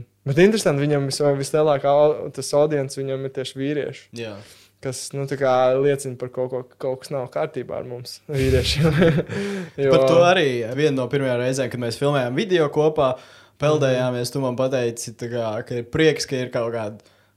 Forši džeki Latvijā spēcīgi, kas kaut ko dara. Nu, tu par mani, laikam, teici, un es jā, par tevi jā. arī to pašu. Kādēļ, tavuprāt, tas ir mums tik daudz. Uh, es nezinu, kā to nosaukt. Uh, nu, Toksisku vīri. pēc, pēc viņa, pēc kā es vairāk viņu varu kaut kā mēģināt citēt, aptuveni, nu, ne citēt precīzos vārdos, nepateikšu, bet viņš vienkārši runā par to, ka mēs esam pārāk nu, tikai sievišķojušies, jā, ka mēs pārāk uh, maz uzņemamies atbildību. Jo viņa viens no galvenajiem principiem ir uzņemies atbildību tas tev padara par vīrieti. Tā kā tu neuzņemies atbildību. Tad tavs sieviete mēs gribam uzņemties mēs, atbildību. Mēs gribam, jā, tas, mēs dziļi, jā, mēs dziļi gribam uzņemties atbildību, bet mēs kaut kā izvairamies no tās. Un, diemžēl mūsu sievietēm tas jādara. Un viņas kļūst vīrišķīgas, un, un tad nu, vīrišķīgas sievietes audzina puikas, un tad nu, tur, tur nav vairs nekas labs. Bet viņš arī ļoti labi izstāstīja, jo daudziem, uz, pieņemsim, šo dzirdot, liekas, uzreiz, o, tur feministi tagad, o, sievišķi, tas jau nav nekas slikts, bet viņš arī šo visu ļoti labi Jā, izskaidro. viņš ļoti visu atbruņo to, un tā kā, nu, viņam vērts noteikti paklausīties. Man, uh, Nu, jā, viņš, no, viņam ir ļoti labas video lekcijas. Tur reāli var noklausīties viņas, viņa kaut kādas, man liekas, 15 vai 12 lekcijas par to, kā viņš runā, kā vispār viss tas uh, nu, praktiski ir uzbūvēts mūsu sabiedrībā. Tas bija tas, kas patiesībā tas... mani neaizrāva tik ļoti, kad jā. es sāku uzreiz klausīties. Mm -hmm. Tas man nepatīk, bet tad es Tagad sāku klausīties vairāk tās viņa intervijas, mm. nu, tā mhm. viņa populārākā intervija, kur viņš atspēkoja yeah. uh, visus šos gender pronouns un tādas yeah, lietas. Gotcha. uh, un vispār fe, fe, feminismu in general. Bet uh, es, tas man ieintriģēja. Un tagad mm. es klausos viņa grāmatu, tieši audio grāmatu, šobrīd mm. 12 Rules for Life. Varbūt pēc tam es iešu tajās video lekcijās. Nu, jā, tas atkal kā tas, kuram droši. Tas noteikti ir rīktīgi smagais rēķins. Tas, tas tiek, pa, es nezinu, vai viņš Harvardā vai kur viņš, nu tas ir smags materiāls. Sākumā Harvardā, pēc tam jā, Toronto, tas, tas ir smags materiāls, ko viņš tur pasniedz, bet tur ir tik nereāli daudz iekšā tajā visā. Nu, ko, ko viņš, bet viņš arī tik forši to pasniedz, manuprāt, caur visiem tiem stāstiem, caur mitoloģijām un visu kaut ko. Uh, kas ir, nu, es klausījos, man bija tāds, tā kā, tur, nu, tā vidēji tās, laikam, lekcijas bija kaut kāds pusotra vai divas stundas, man liekas. Un man bija tā, ka, nu, tu zini, ka tev noskaties seriālu un gribās nākamo sēriju. Man bija, bija līdzīgi, jo kaut kā tik ļoti tas uzrunāja, viss tas, un es tāds, tā kā tas ar manīm, pro, arī rezonēja, protams, tādā ziņā par sevi daudz sapru, sapratu, kamēr es to visu klausījos. Un es īstenībā gribu vēlreiz noklausīties, bet nu, tā kā rītīgi pierakstīt, jo es gāju cauri neko nepierakstot. Īpaši vienkārši sevi tajā momentā uzreiz analizēju, kas ar maniem notiekās, ka es to dzirdu. Un, nu, kā, tas, tas bija noteikti. Jā, viņš, viņš ir pelnījis visu to nu, kā, labāko, man liekas. Citas grāmatas, varbūt. Nu, es arī, kā, man liekas, visvairāk vienkārši ir kā, tieši par to atbildības sajūtu. Tur, tur ļoti labi grāmata ir Extreme Ownership. Uh, Joko Willings. Tas, Kaut kur jau šo nesen dzirdēju. Jā, viņi ir. Pirms pāris dienām es gribu izlasīt, tagad arī. Viņi ir ļoti labi. Viņi arī ir interesanti sadalīti. Ir tā, ka ir trijās daļās viņi praktiski ir sadalīti. Ir kara stāsts ir. Tagad aizmirsu, pēkšņi. Es zinu, ka bija viens, viens bija, laikam, ah, viens bija tāds tā kā biznesa interpretācijas kaut kas tāds, laikam. Nu, kā viņš biznesā to pielietoja, viņš arī coach iet, viņš palīdz veidot tās uh, biznesa. Biznesa, kā viņas nosaukt, tādas kopienas, jā, lai tur cilvēki sastrādājās veiksmīgi. Un tad, laikam, viņš, tad viņš pastāstīja, kā, kā kādi ir tie mehānismi, tas nu, bezmazliet tas uh, praktiskais, ko tu vari darīt gandrīz. Un, nu, ļoti laba grāmata arī īstenībā par, par visām. Par visām lietām, kā, kā tieši izdzīvot nu, kara laikā, bet tas ļoti rezonējās ar to, nu, kā mēs īstenībā kā sabiedrība varam strādāt, labāk sadarboties viens ar otru. Un, jā, tā noteikti ir, ir uh, top grāmata. Um, nu, jā, arī varbūt tās, lai nav pārāk daudz, tas man liekas, nu, tādā ziņā to kaut ko, kaut ko. Tā kā, nu, mēs arī ar, ah, labi, vēl, vēl, pēd, vēl pēdējā labi, grāmatā. ok, ok. Ir īstenībā trīs grāmatas, ko es jebkuram noteikti iesaku izlasīt. Ir tas, to, ko minēja, tas 12 Rules of Life, tas Jordan Petersona grāmata, ir Extreme Ownership. Un tad vēl noteikti ir nu, tāda dziļāka, spirituāla, tā kā iekšējais, uh, dvēseliskais, varētu teikt, ir uh, šis Ekartolī. Ekartolī viņš tā kā interesanti rakstās uh, diezgan uh, tie divi vārdi īstenībā - Ekart un Tolē. Un viņam ir grāmatas, ir uh, tagadnes spēks, Mm -hmm. viņš ir latviski, ir Power of Now. Power of Now, jā. Un otra grāmata ir uh, Power of Now, ir tā kā novecojusi uh, priekš mūsu sabiedrības. Jo viņi runā bišķiņas nu, vecākā, nu, tad, nu, bez, bez mazai, ja mēs, nu, mēs es, ar, ar laiku attīstam un attīstam to domāšanas veidu, kā mēs š- tagad sabiedrībā domājam, tas bija kā bišķiņ mm, atpakaļ. Tam veidam. Un tagad ir uzrakstīta jauna grāmata, praktiski tas pats, tā pati ideja, ja nekas nemainās. Ir uh, saucās New Earth, bet man liekas, viņa latviešu nav. Mm -hmm. Un tā grāmata arī ir vienkārši fantastiska. Tur, tur katrā lapā ir nu, vērts stundu domāt par katru lapu tajā grāmatā. Jo viņi ir tik dziļi sarakstīti, ka pārsteidzoši. Tāpēc tās ir trīs grāmatas, ko man liekas, izlasīt. Tu kā visu to esi ļoti labs. Uzreiz mm, cilvēku, tu kļūsi par ļoti labu cilvēku būtni. Tā kā Tu saproti, kas notiek sabiedrībā, tu saproti, kas notiek tev iekšā. Un, un tā kā tu atbrīvojies no daudz bullshit. 99% cilvēku, kas šo klausās, noteikti neizlasīs šo grāmatu. Viņi teiks, ka viņi izlasīs, bet neizla- es visticamāk, Mm. neiz, es nezinu, vai es izlasīšu. Es gribu, man tāds Mm. mm. yes, bet tad pazudīs tas hype, vai ne? Un Jā, nu tā ir. Tas, tas To, nāk, to un, pirmo, ko teicu, es noteikti izlasīšu par Ekartu Tolī. Varbūt kādreiz atgādini man, vēl. Jā, nu- Tolī. Jā. Jā, E, E, C, H, K, art Mm -hmm. un T, O, U, U, E. yes, super visiem tiem, kas Jā, klausās. tā Tagad, kā- zinās. Nu, viņš ir ļoti spēcīgs rakstnieks. nu Tā, kad viņš īstenībā viņa stāsts arī ir fascinējošs. Viņš bija uh, apkopējs, kurš gribēja iz, izdarīt pašnāvību. Un uz, brī, uz tā momenta, kad viņš domāja par pašnāvību, jau kā to inscenēt, praktiski viņam no- nonāca, pienā, atklāsme. Viņš domāja, kurš, kas ir tas, kurš grib izdarīt pašnāvību. Un viņš saprata, ka tas nav viņš, ka tas ir vienkārši viņa uh, sāpju ķermenis, jeb pain body, kā viņš viņu sauc.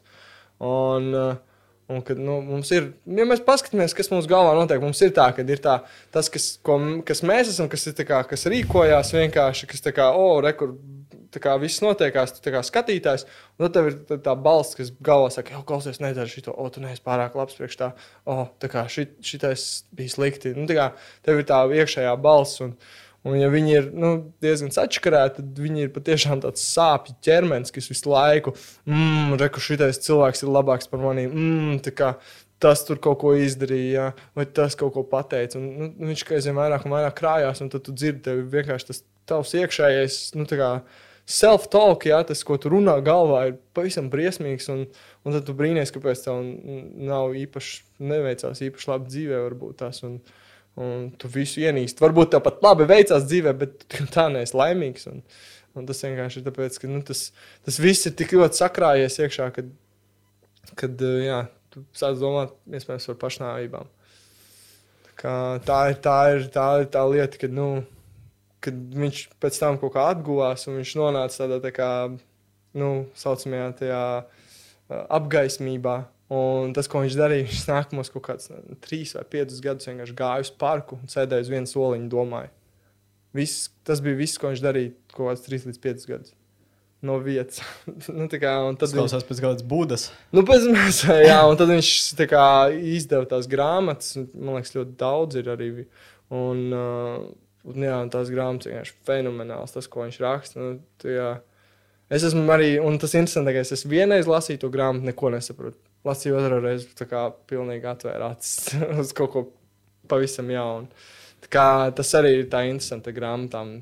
Pirmajā reizē es pirms neko Tas pats, nesaprotu. ko es teicu jā, par Jordanu Petersonu, es Jā. nepiesaistīju pirmā. Nu, jā, vienkārši nav tas laiks, iespējams. Tāpēc tad varbūt kaut ko vieglāku vajag palasīt. Um, kā, kā ir pašam sarakstīt grāmatu? Mm. Nu, tās varbūt tās nav tādas uh, īstās nosacītas grāmatas, grāmatas, jo viņas ir uh, labi pavāra grāmatas. Nu, tas ir pavisam kaut kas citādāks. Bet Tev tā- nav tāda gara grāmata. Jā, nu tas, tas man liekas arī vienmēr ir tāds, tas ūdens liešana. Jā. Nu, ok, labi, Jordans Petersons bija citādāk. un Ir, ir daži rakstnieki, kur patiešām ir tas iemesls, kāpēc viņi arī, nu, man patīk, ka izliek tos stāstus, tos piemērus iz dzīves. Ja? Un man, es vienkārši šobrīd lieku vairāk mm, tajā grāmatā, praktiski uzreiz, ko darīt. Metodas. Tur nav tā, tur nav ūdens, tur vienkārši tā kā rekurbi ņem dari. Nu. Nu, tāpat laikā arī tie stāsti un tie piemēri katram. Varbūt Mm. kādam tieši tas palīdzēs. Es Jā, esmu arī tāds tā arī, cilvēks, kuram tieši tie piemēri. Un Mm, es mm. tā- tādēļ lasu visu laiku ar vienu jaunu, vai klausos tagad Nu, drīzāk. tu, Jā, jā, Man patīk tie piemēri. Jā, nu, ļoti. tur vajag pie, pieredzi, rīktīgi ga, garu, nu, tādu ilgu pieredzi, lai kaut ko tādu varētu, lai sakrā, Jā, jā, sakrātos. Nu, tā kā man jau ar, tagad ir kaut kāda. mācies. Jā, tieši tā. Tāpēc, nu, ar laiku es domāju, gan jau arī kaut kas tāds taps, jā. Bet uh, šobrīd es arī noteikti krāju un krāju, lai, lai patiešām vēl vairāk saprastu to.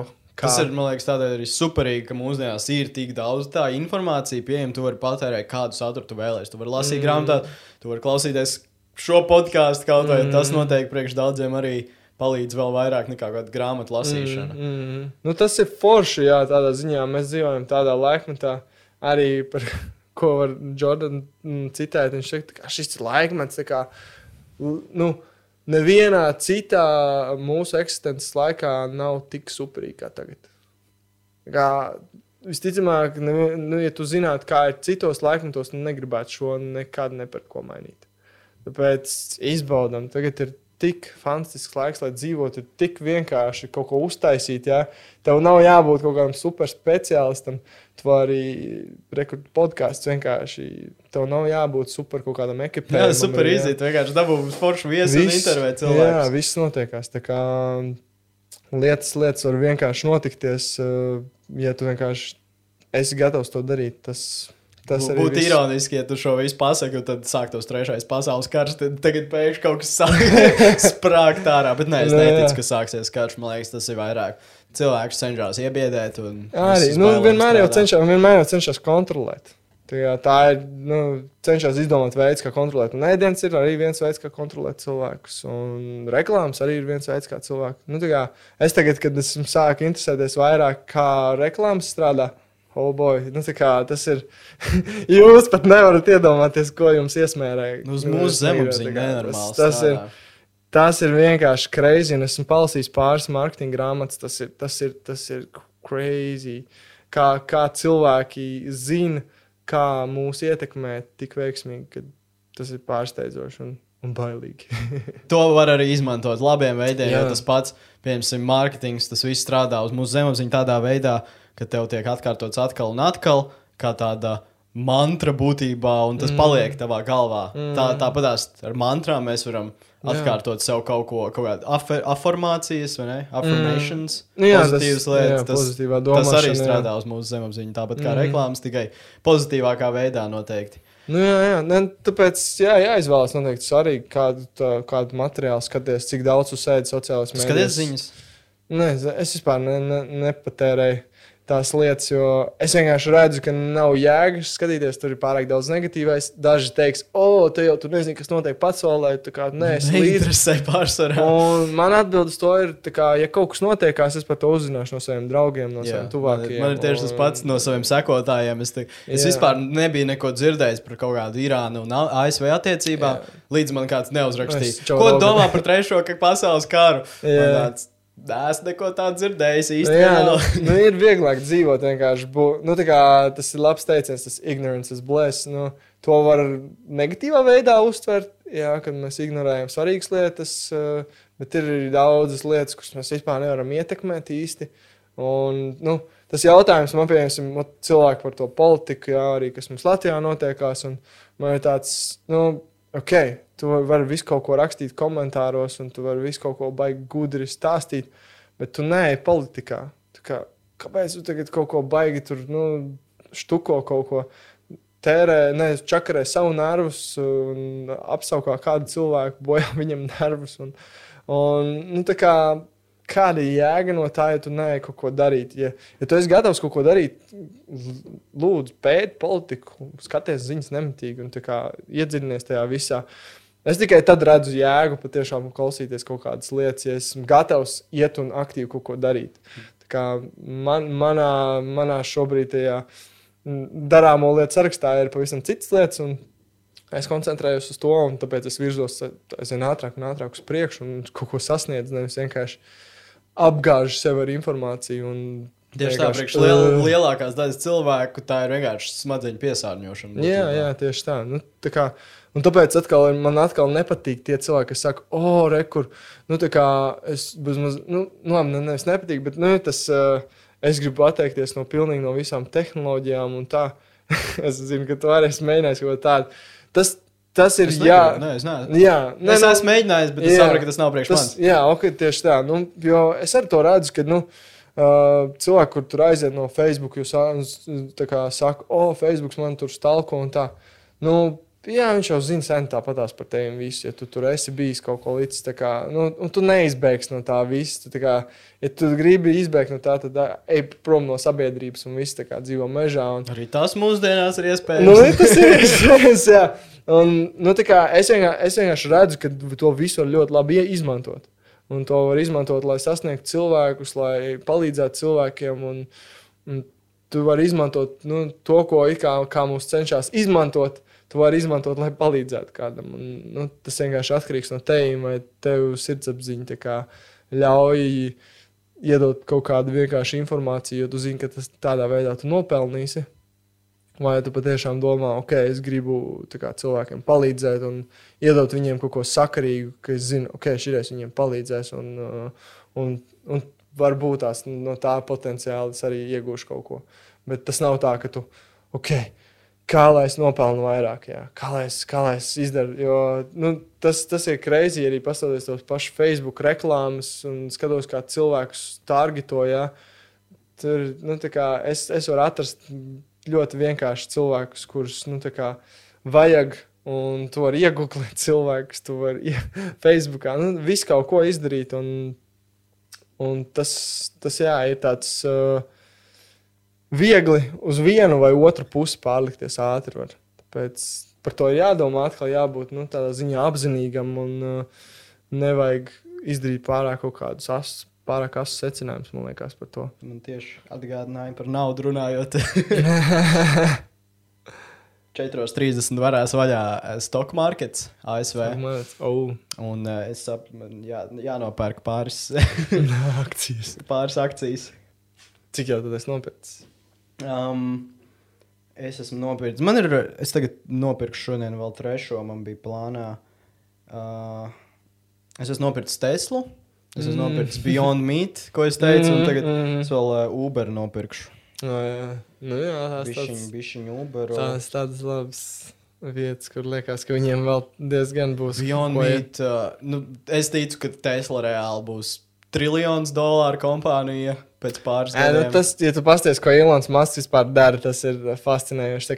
Viņš, viņš grib uztaisīt to full circle, kad nu, viņš, kā, viņš būs tas, kas piegādās uh, ierīces, kas apgādās tās ierīces un apgādās to, kas apgādā tās ierīces. Kā Viņš būs kā viss, viņš paņems visu to, to enerģijas ciklu. Un, un tur par to arī runā, ka kā, tas, kurš pārvalda enerģiju, tas kā pārvalda pasauli. Pēc arī skatījos, kas Bills Gates arī iet uz to pusi. Tieši nesen noticējos superīgu tādu īsu sēriju par Billu Gatesu. Kiņķīgi, kā viņš, nu, kā, kā viņš arī štuko, kur viņš iesaistās. Un, un jā, redzēt, viņš arī iet uz to enerģijas pusi. Tas, Tieši ar Microsoft vai kas? nē, nē, viņš jau vispār tik no aizgājis. No. Viņš, Viņš, ne, viņš ir aizgājis jā, viņš ir Microsoft. vairāk Jā. filantropists vai Jā, jā, sauc. viņam tur ir visādas idejas, nu, crazy, bet uh, viņš arī iet uz enerģiju kaut kādā mērā. Viņš grib uztaisīt tos uh, reaktorus. Mm, atomelektrības, nukleāra reaktors. Kodolreaktors. Kodolreaktors, jā, pareizi. Un, uh, un tur arī ir rīktīgi interesanti. Tā, Cik es esmu pētījis, arī kodola enerģija patiesībā ir viena no, ja ne visa. Tas, dabai draudzīgākā tas, jā, un, un tas, kā viņi bija to to izveidojuši. izmanto. Jā, viņi bija tā uztaisījuši, ka viņi izmanto jau izlietotu urānu. Un tas nozīmē, ka viņš Tur vispār- ir recyclings. Jā, un Wow, tur ir wow, rīktīgs wow, wow, recyclings. Tur ir, un, bet baigais aizgāja grīstē ar to, ka nu, tur uh, Ķīna un uh, ASV vairs nespēja sadalīt tās uh, tirzniecības kaut kādas tur. Lietas, un līdz ar to viņi gribēja taisīt to visu Ķīnā. Viņiem jau bija praktiski palai, m, gatavībā tas viss. Un, un vienkārši Amerika pateica, sorry, nebūs. Un, uh, nu, viņi tur lauza to vienu līgumu, kas viņiem ilgi jau bija bijis.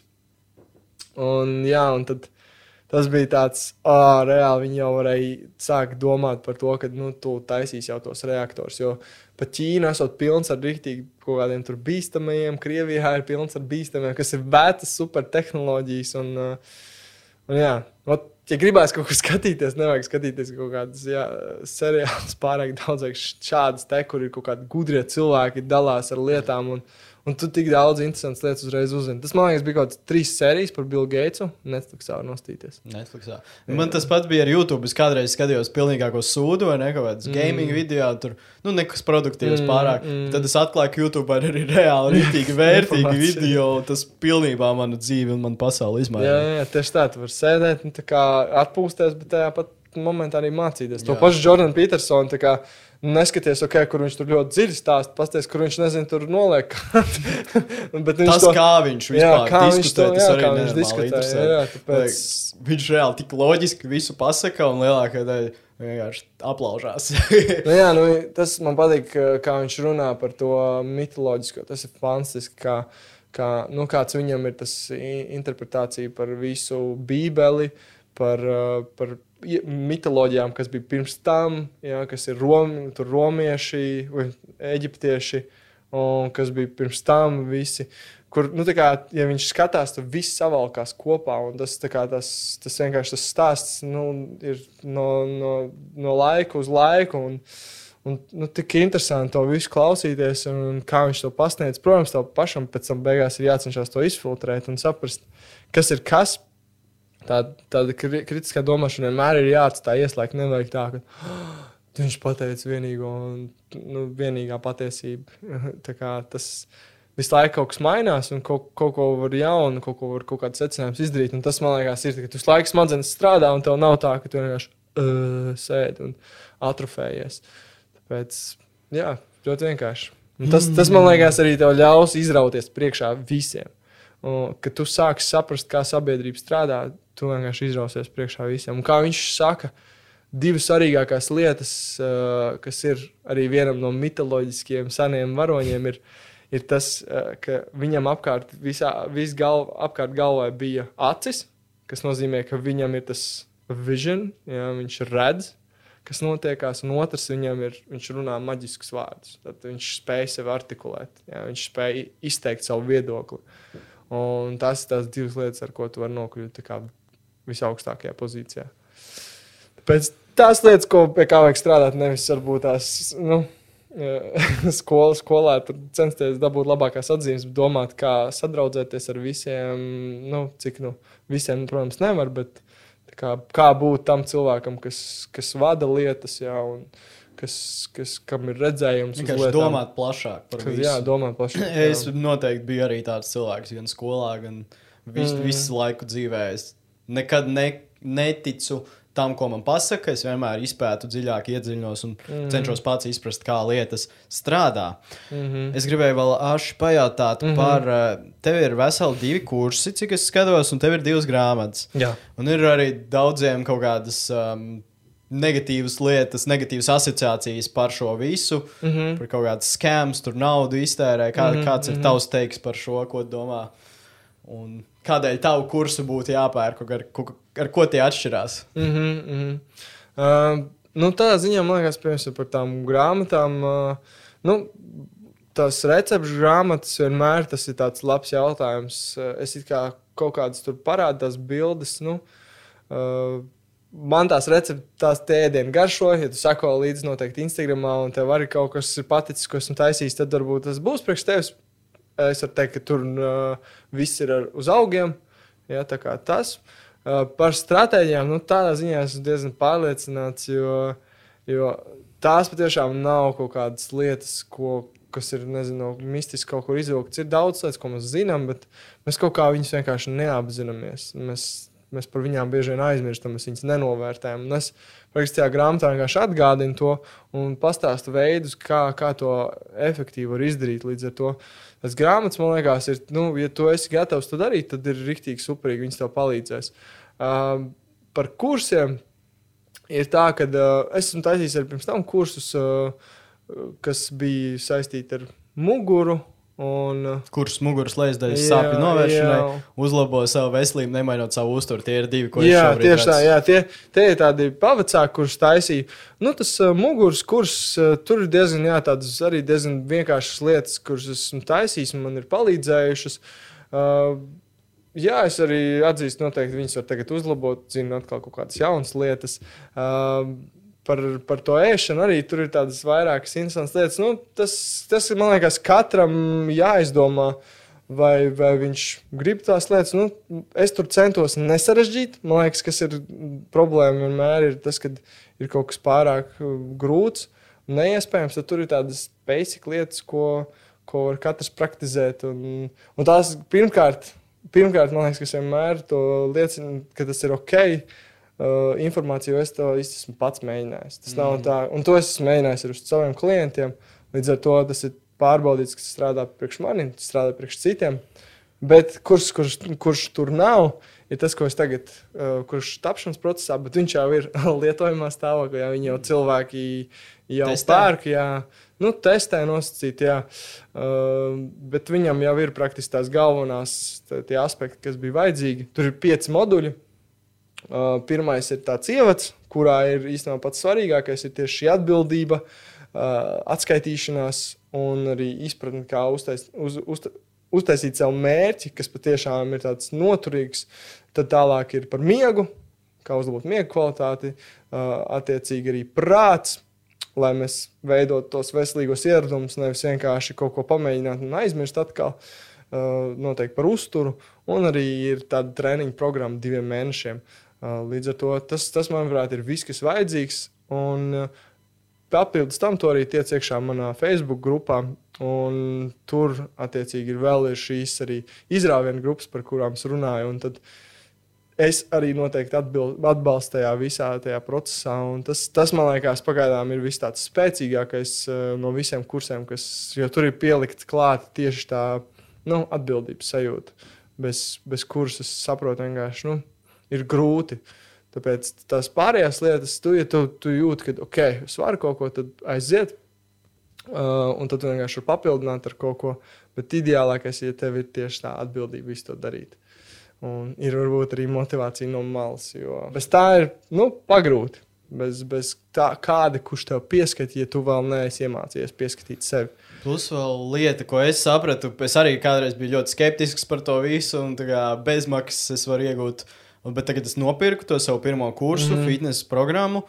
Un viena lieta ir tāda, ka tā nauda, ko tu iztērē, tev ir kā papildus motivators mm -hmm. to darīt. Mm -hmm. Jo bezmaksas lietas mēs bieži nenovērtējam tik ļoti kā kaut ko, ko mēs nopērkam. Un tad es mm. negribu kādu dienu to treniņu, tur rītīgi daudz darba un nogurums. Un tomēr, bļā, es tomēr samaksāju kaut kāds 60 vai vairāk eiro mm. par šo. Mm. To, tomēr varbūt tas ir jāizdara. Nu jā, tas, tas ir īstenībā interesanti, kad uh, tā maksa noteikti palīdz.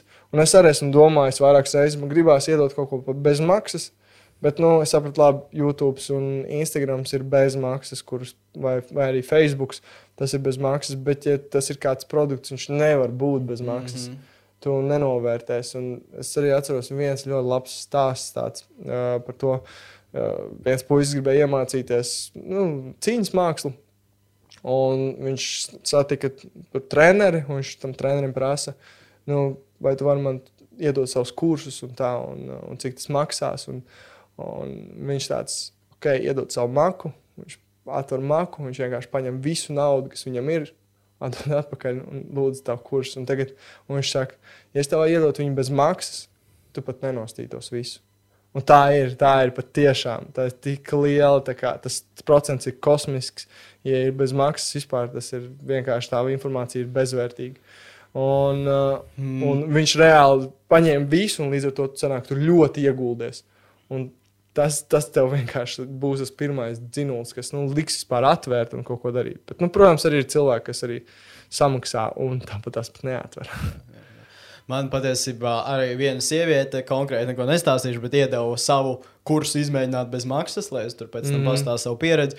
Un es nevarēju saņemties vispār, yeah, noskatīties yeah, tos video un izpildīt lietas. Visticamāk, tādēļ, ka tas ir bez maksas. Nu jā, tas, tas ir reizēm cilvēki man arī uh, bezmazliet apsūdz, kāpēc uz šo nedod bez maksas. Un Tāds, es, es, ne, es, es biju viens no ne... tiem, kas tev apsūdz. jā, nu, jā es, es, es vienkārši nevaru tev dot. Tas nevis priekš sevis, tas ir priekš tevis. Es tev nevaru dot bez maksas. Cik, tur, cik ir cilvēki vispār nopirkuši un cik no tā var nopelnīt Latvijā? Uh, nu, pagaidām nav pārāk daudz. Es arī viņu iedevu saviem cilvēkiem. Nu, tur mm, ap, ap kaut kādiem simtiem tas ir. Mm -hmm. nu, bet nav, tas, tas, tas vēl pagaidām. Tev arī viņi nav īpaši dārgi. Tur skatos 15 eiro. Jā, eiro. À, nu, no tā tas jau īstenībā kādu laiku tur, domāju, ir vairāk. Nu, varbūt kāds tūkstots, varbūt no tā visa varbūt, ir savācies. Nu, grūti spriest īstenībā. Nu, ir daudz bijuši pirkumi, ir bijuši kāpumi, kritumi tam visam, bet vissvarīgākais ir reklāma tajā visā. Jā. Jo, ja tev nu, tas tirgus ir piesātināts, ir daudz programmas, jā, mēs arī Latvijā redzam, ir daudz cilvēku, kas kaut ko taisa, tad uh, viss ir atkarīgs no reklāmām. Un, ja arī kāds kaut ko grib, īstenībā tā kā atkal jaun, jaunā sabiedrība klausās vairāk, uh, es noteikti visiem iesaku mācīties rītīgi mārketingu tieši mārketingā, paņemt, palasīt kādas grāmatas. Tas nebūs interesanti, varbūt tās pārāk, bet tas ir rīktīgi svarīgi. Ja tu gribi kaut ko ja tu kā fizioterapeits gribi dabūt klientus, protams, nu, ar laiku tu savāksi to savu bāzi, bet tu gribi ātrāk gūt rezultātus. Tas ir mārketings, tas ir reklāmas, mācīties filmēt, editēt, uh, uh, rakstīt skriptu, nu, kā rakstīt, kā pareizi uzrakstīt, lai tas piesaistītu cilvēks. Ir tik daudz sīkas nianses.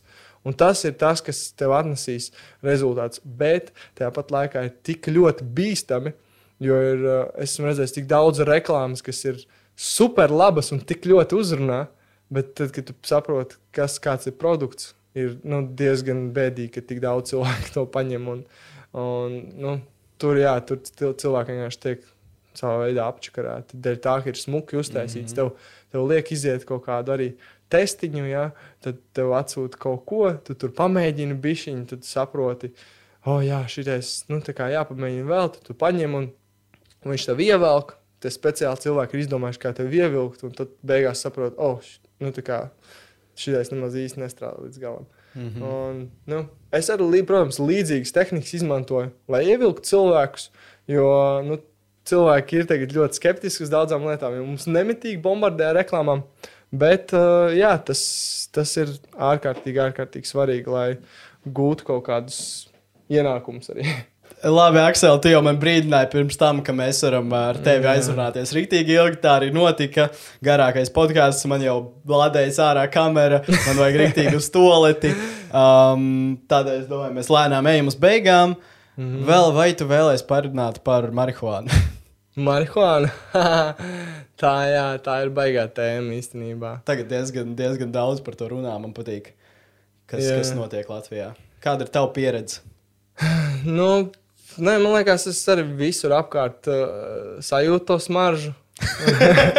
visur, visur viņa liekas, ir tas, uh, tas, tas patiešām uh, tas, tas tā ir. Kad liekas, ka man liekas, daudz kur viņu lieto cilvēki. Un, uh, nu, jā, nu es esmu skatījies, noteikti Džo Rogans arī visvairāk man liekas par to runā tādā ziņā, kad uh, ka visiem cilvēkiem vajadzētu to mēģināt un darīt, un ka tā ir kaut kāda laba lieta. Kā, nu, tas man liekas, ir svarīgi, ka tu atkal izvērtē to mm, optimāli. Esmu daudz lietas redzējis, nu, kas ir tieši par veselīgo un tādā ziņā. Tā kā, jā.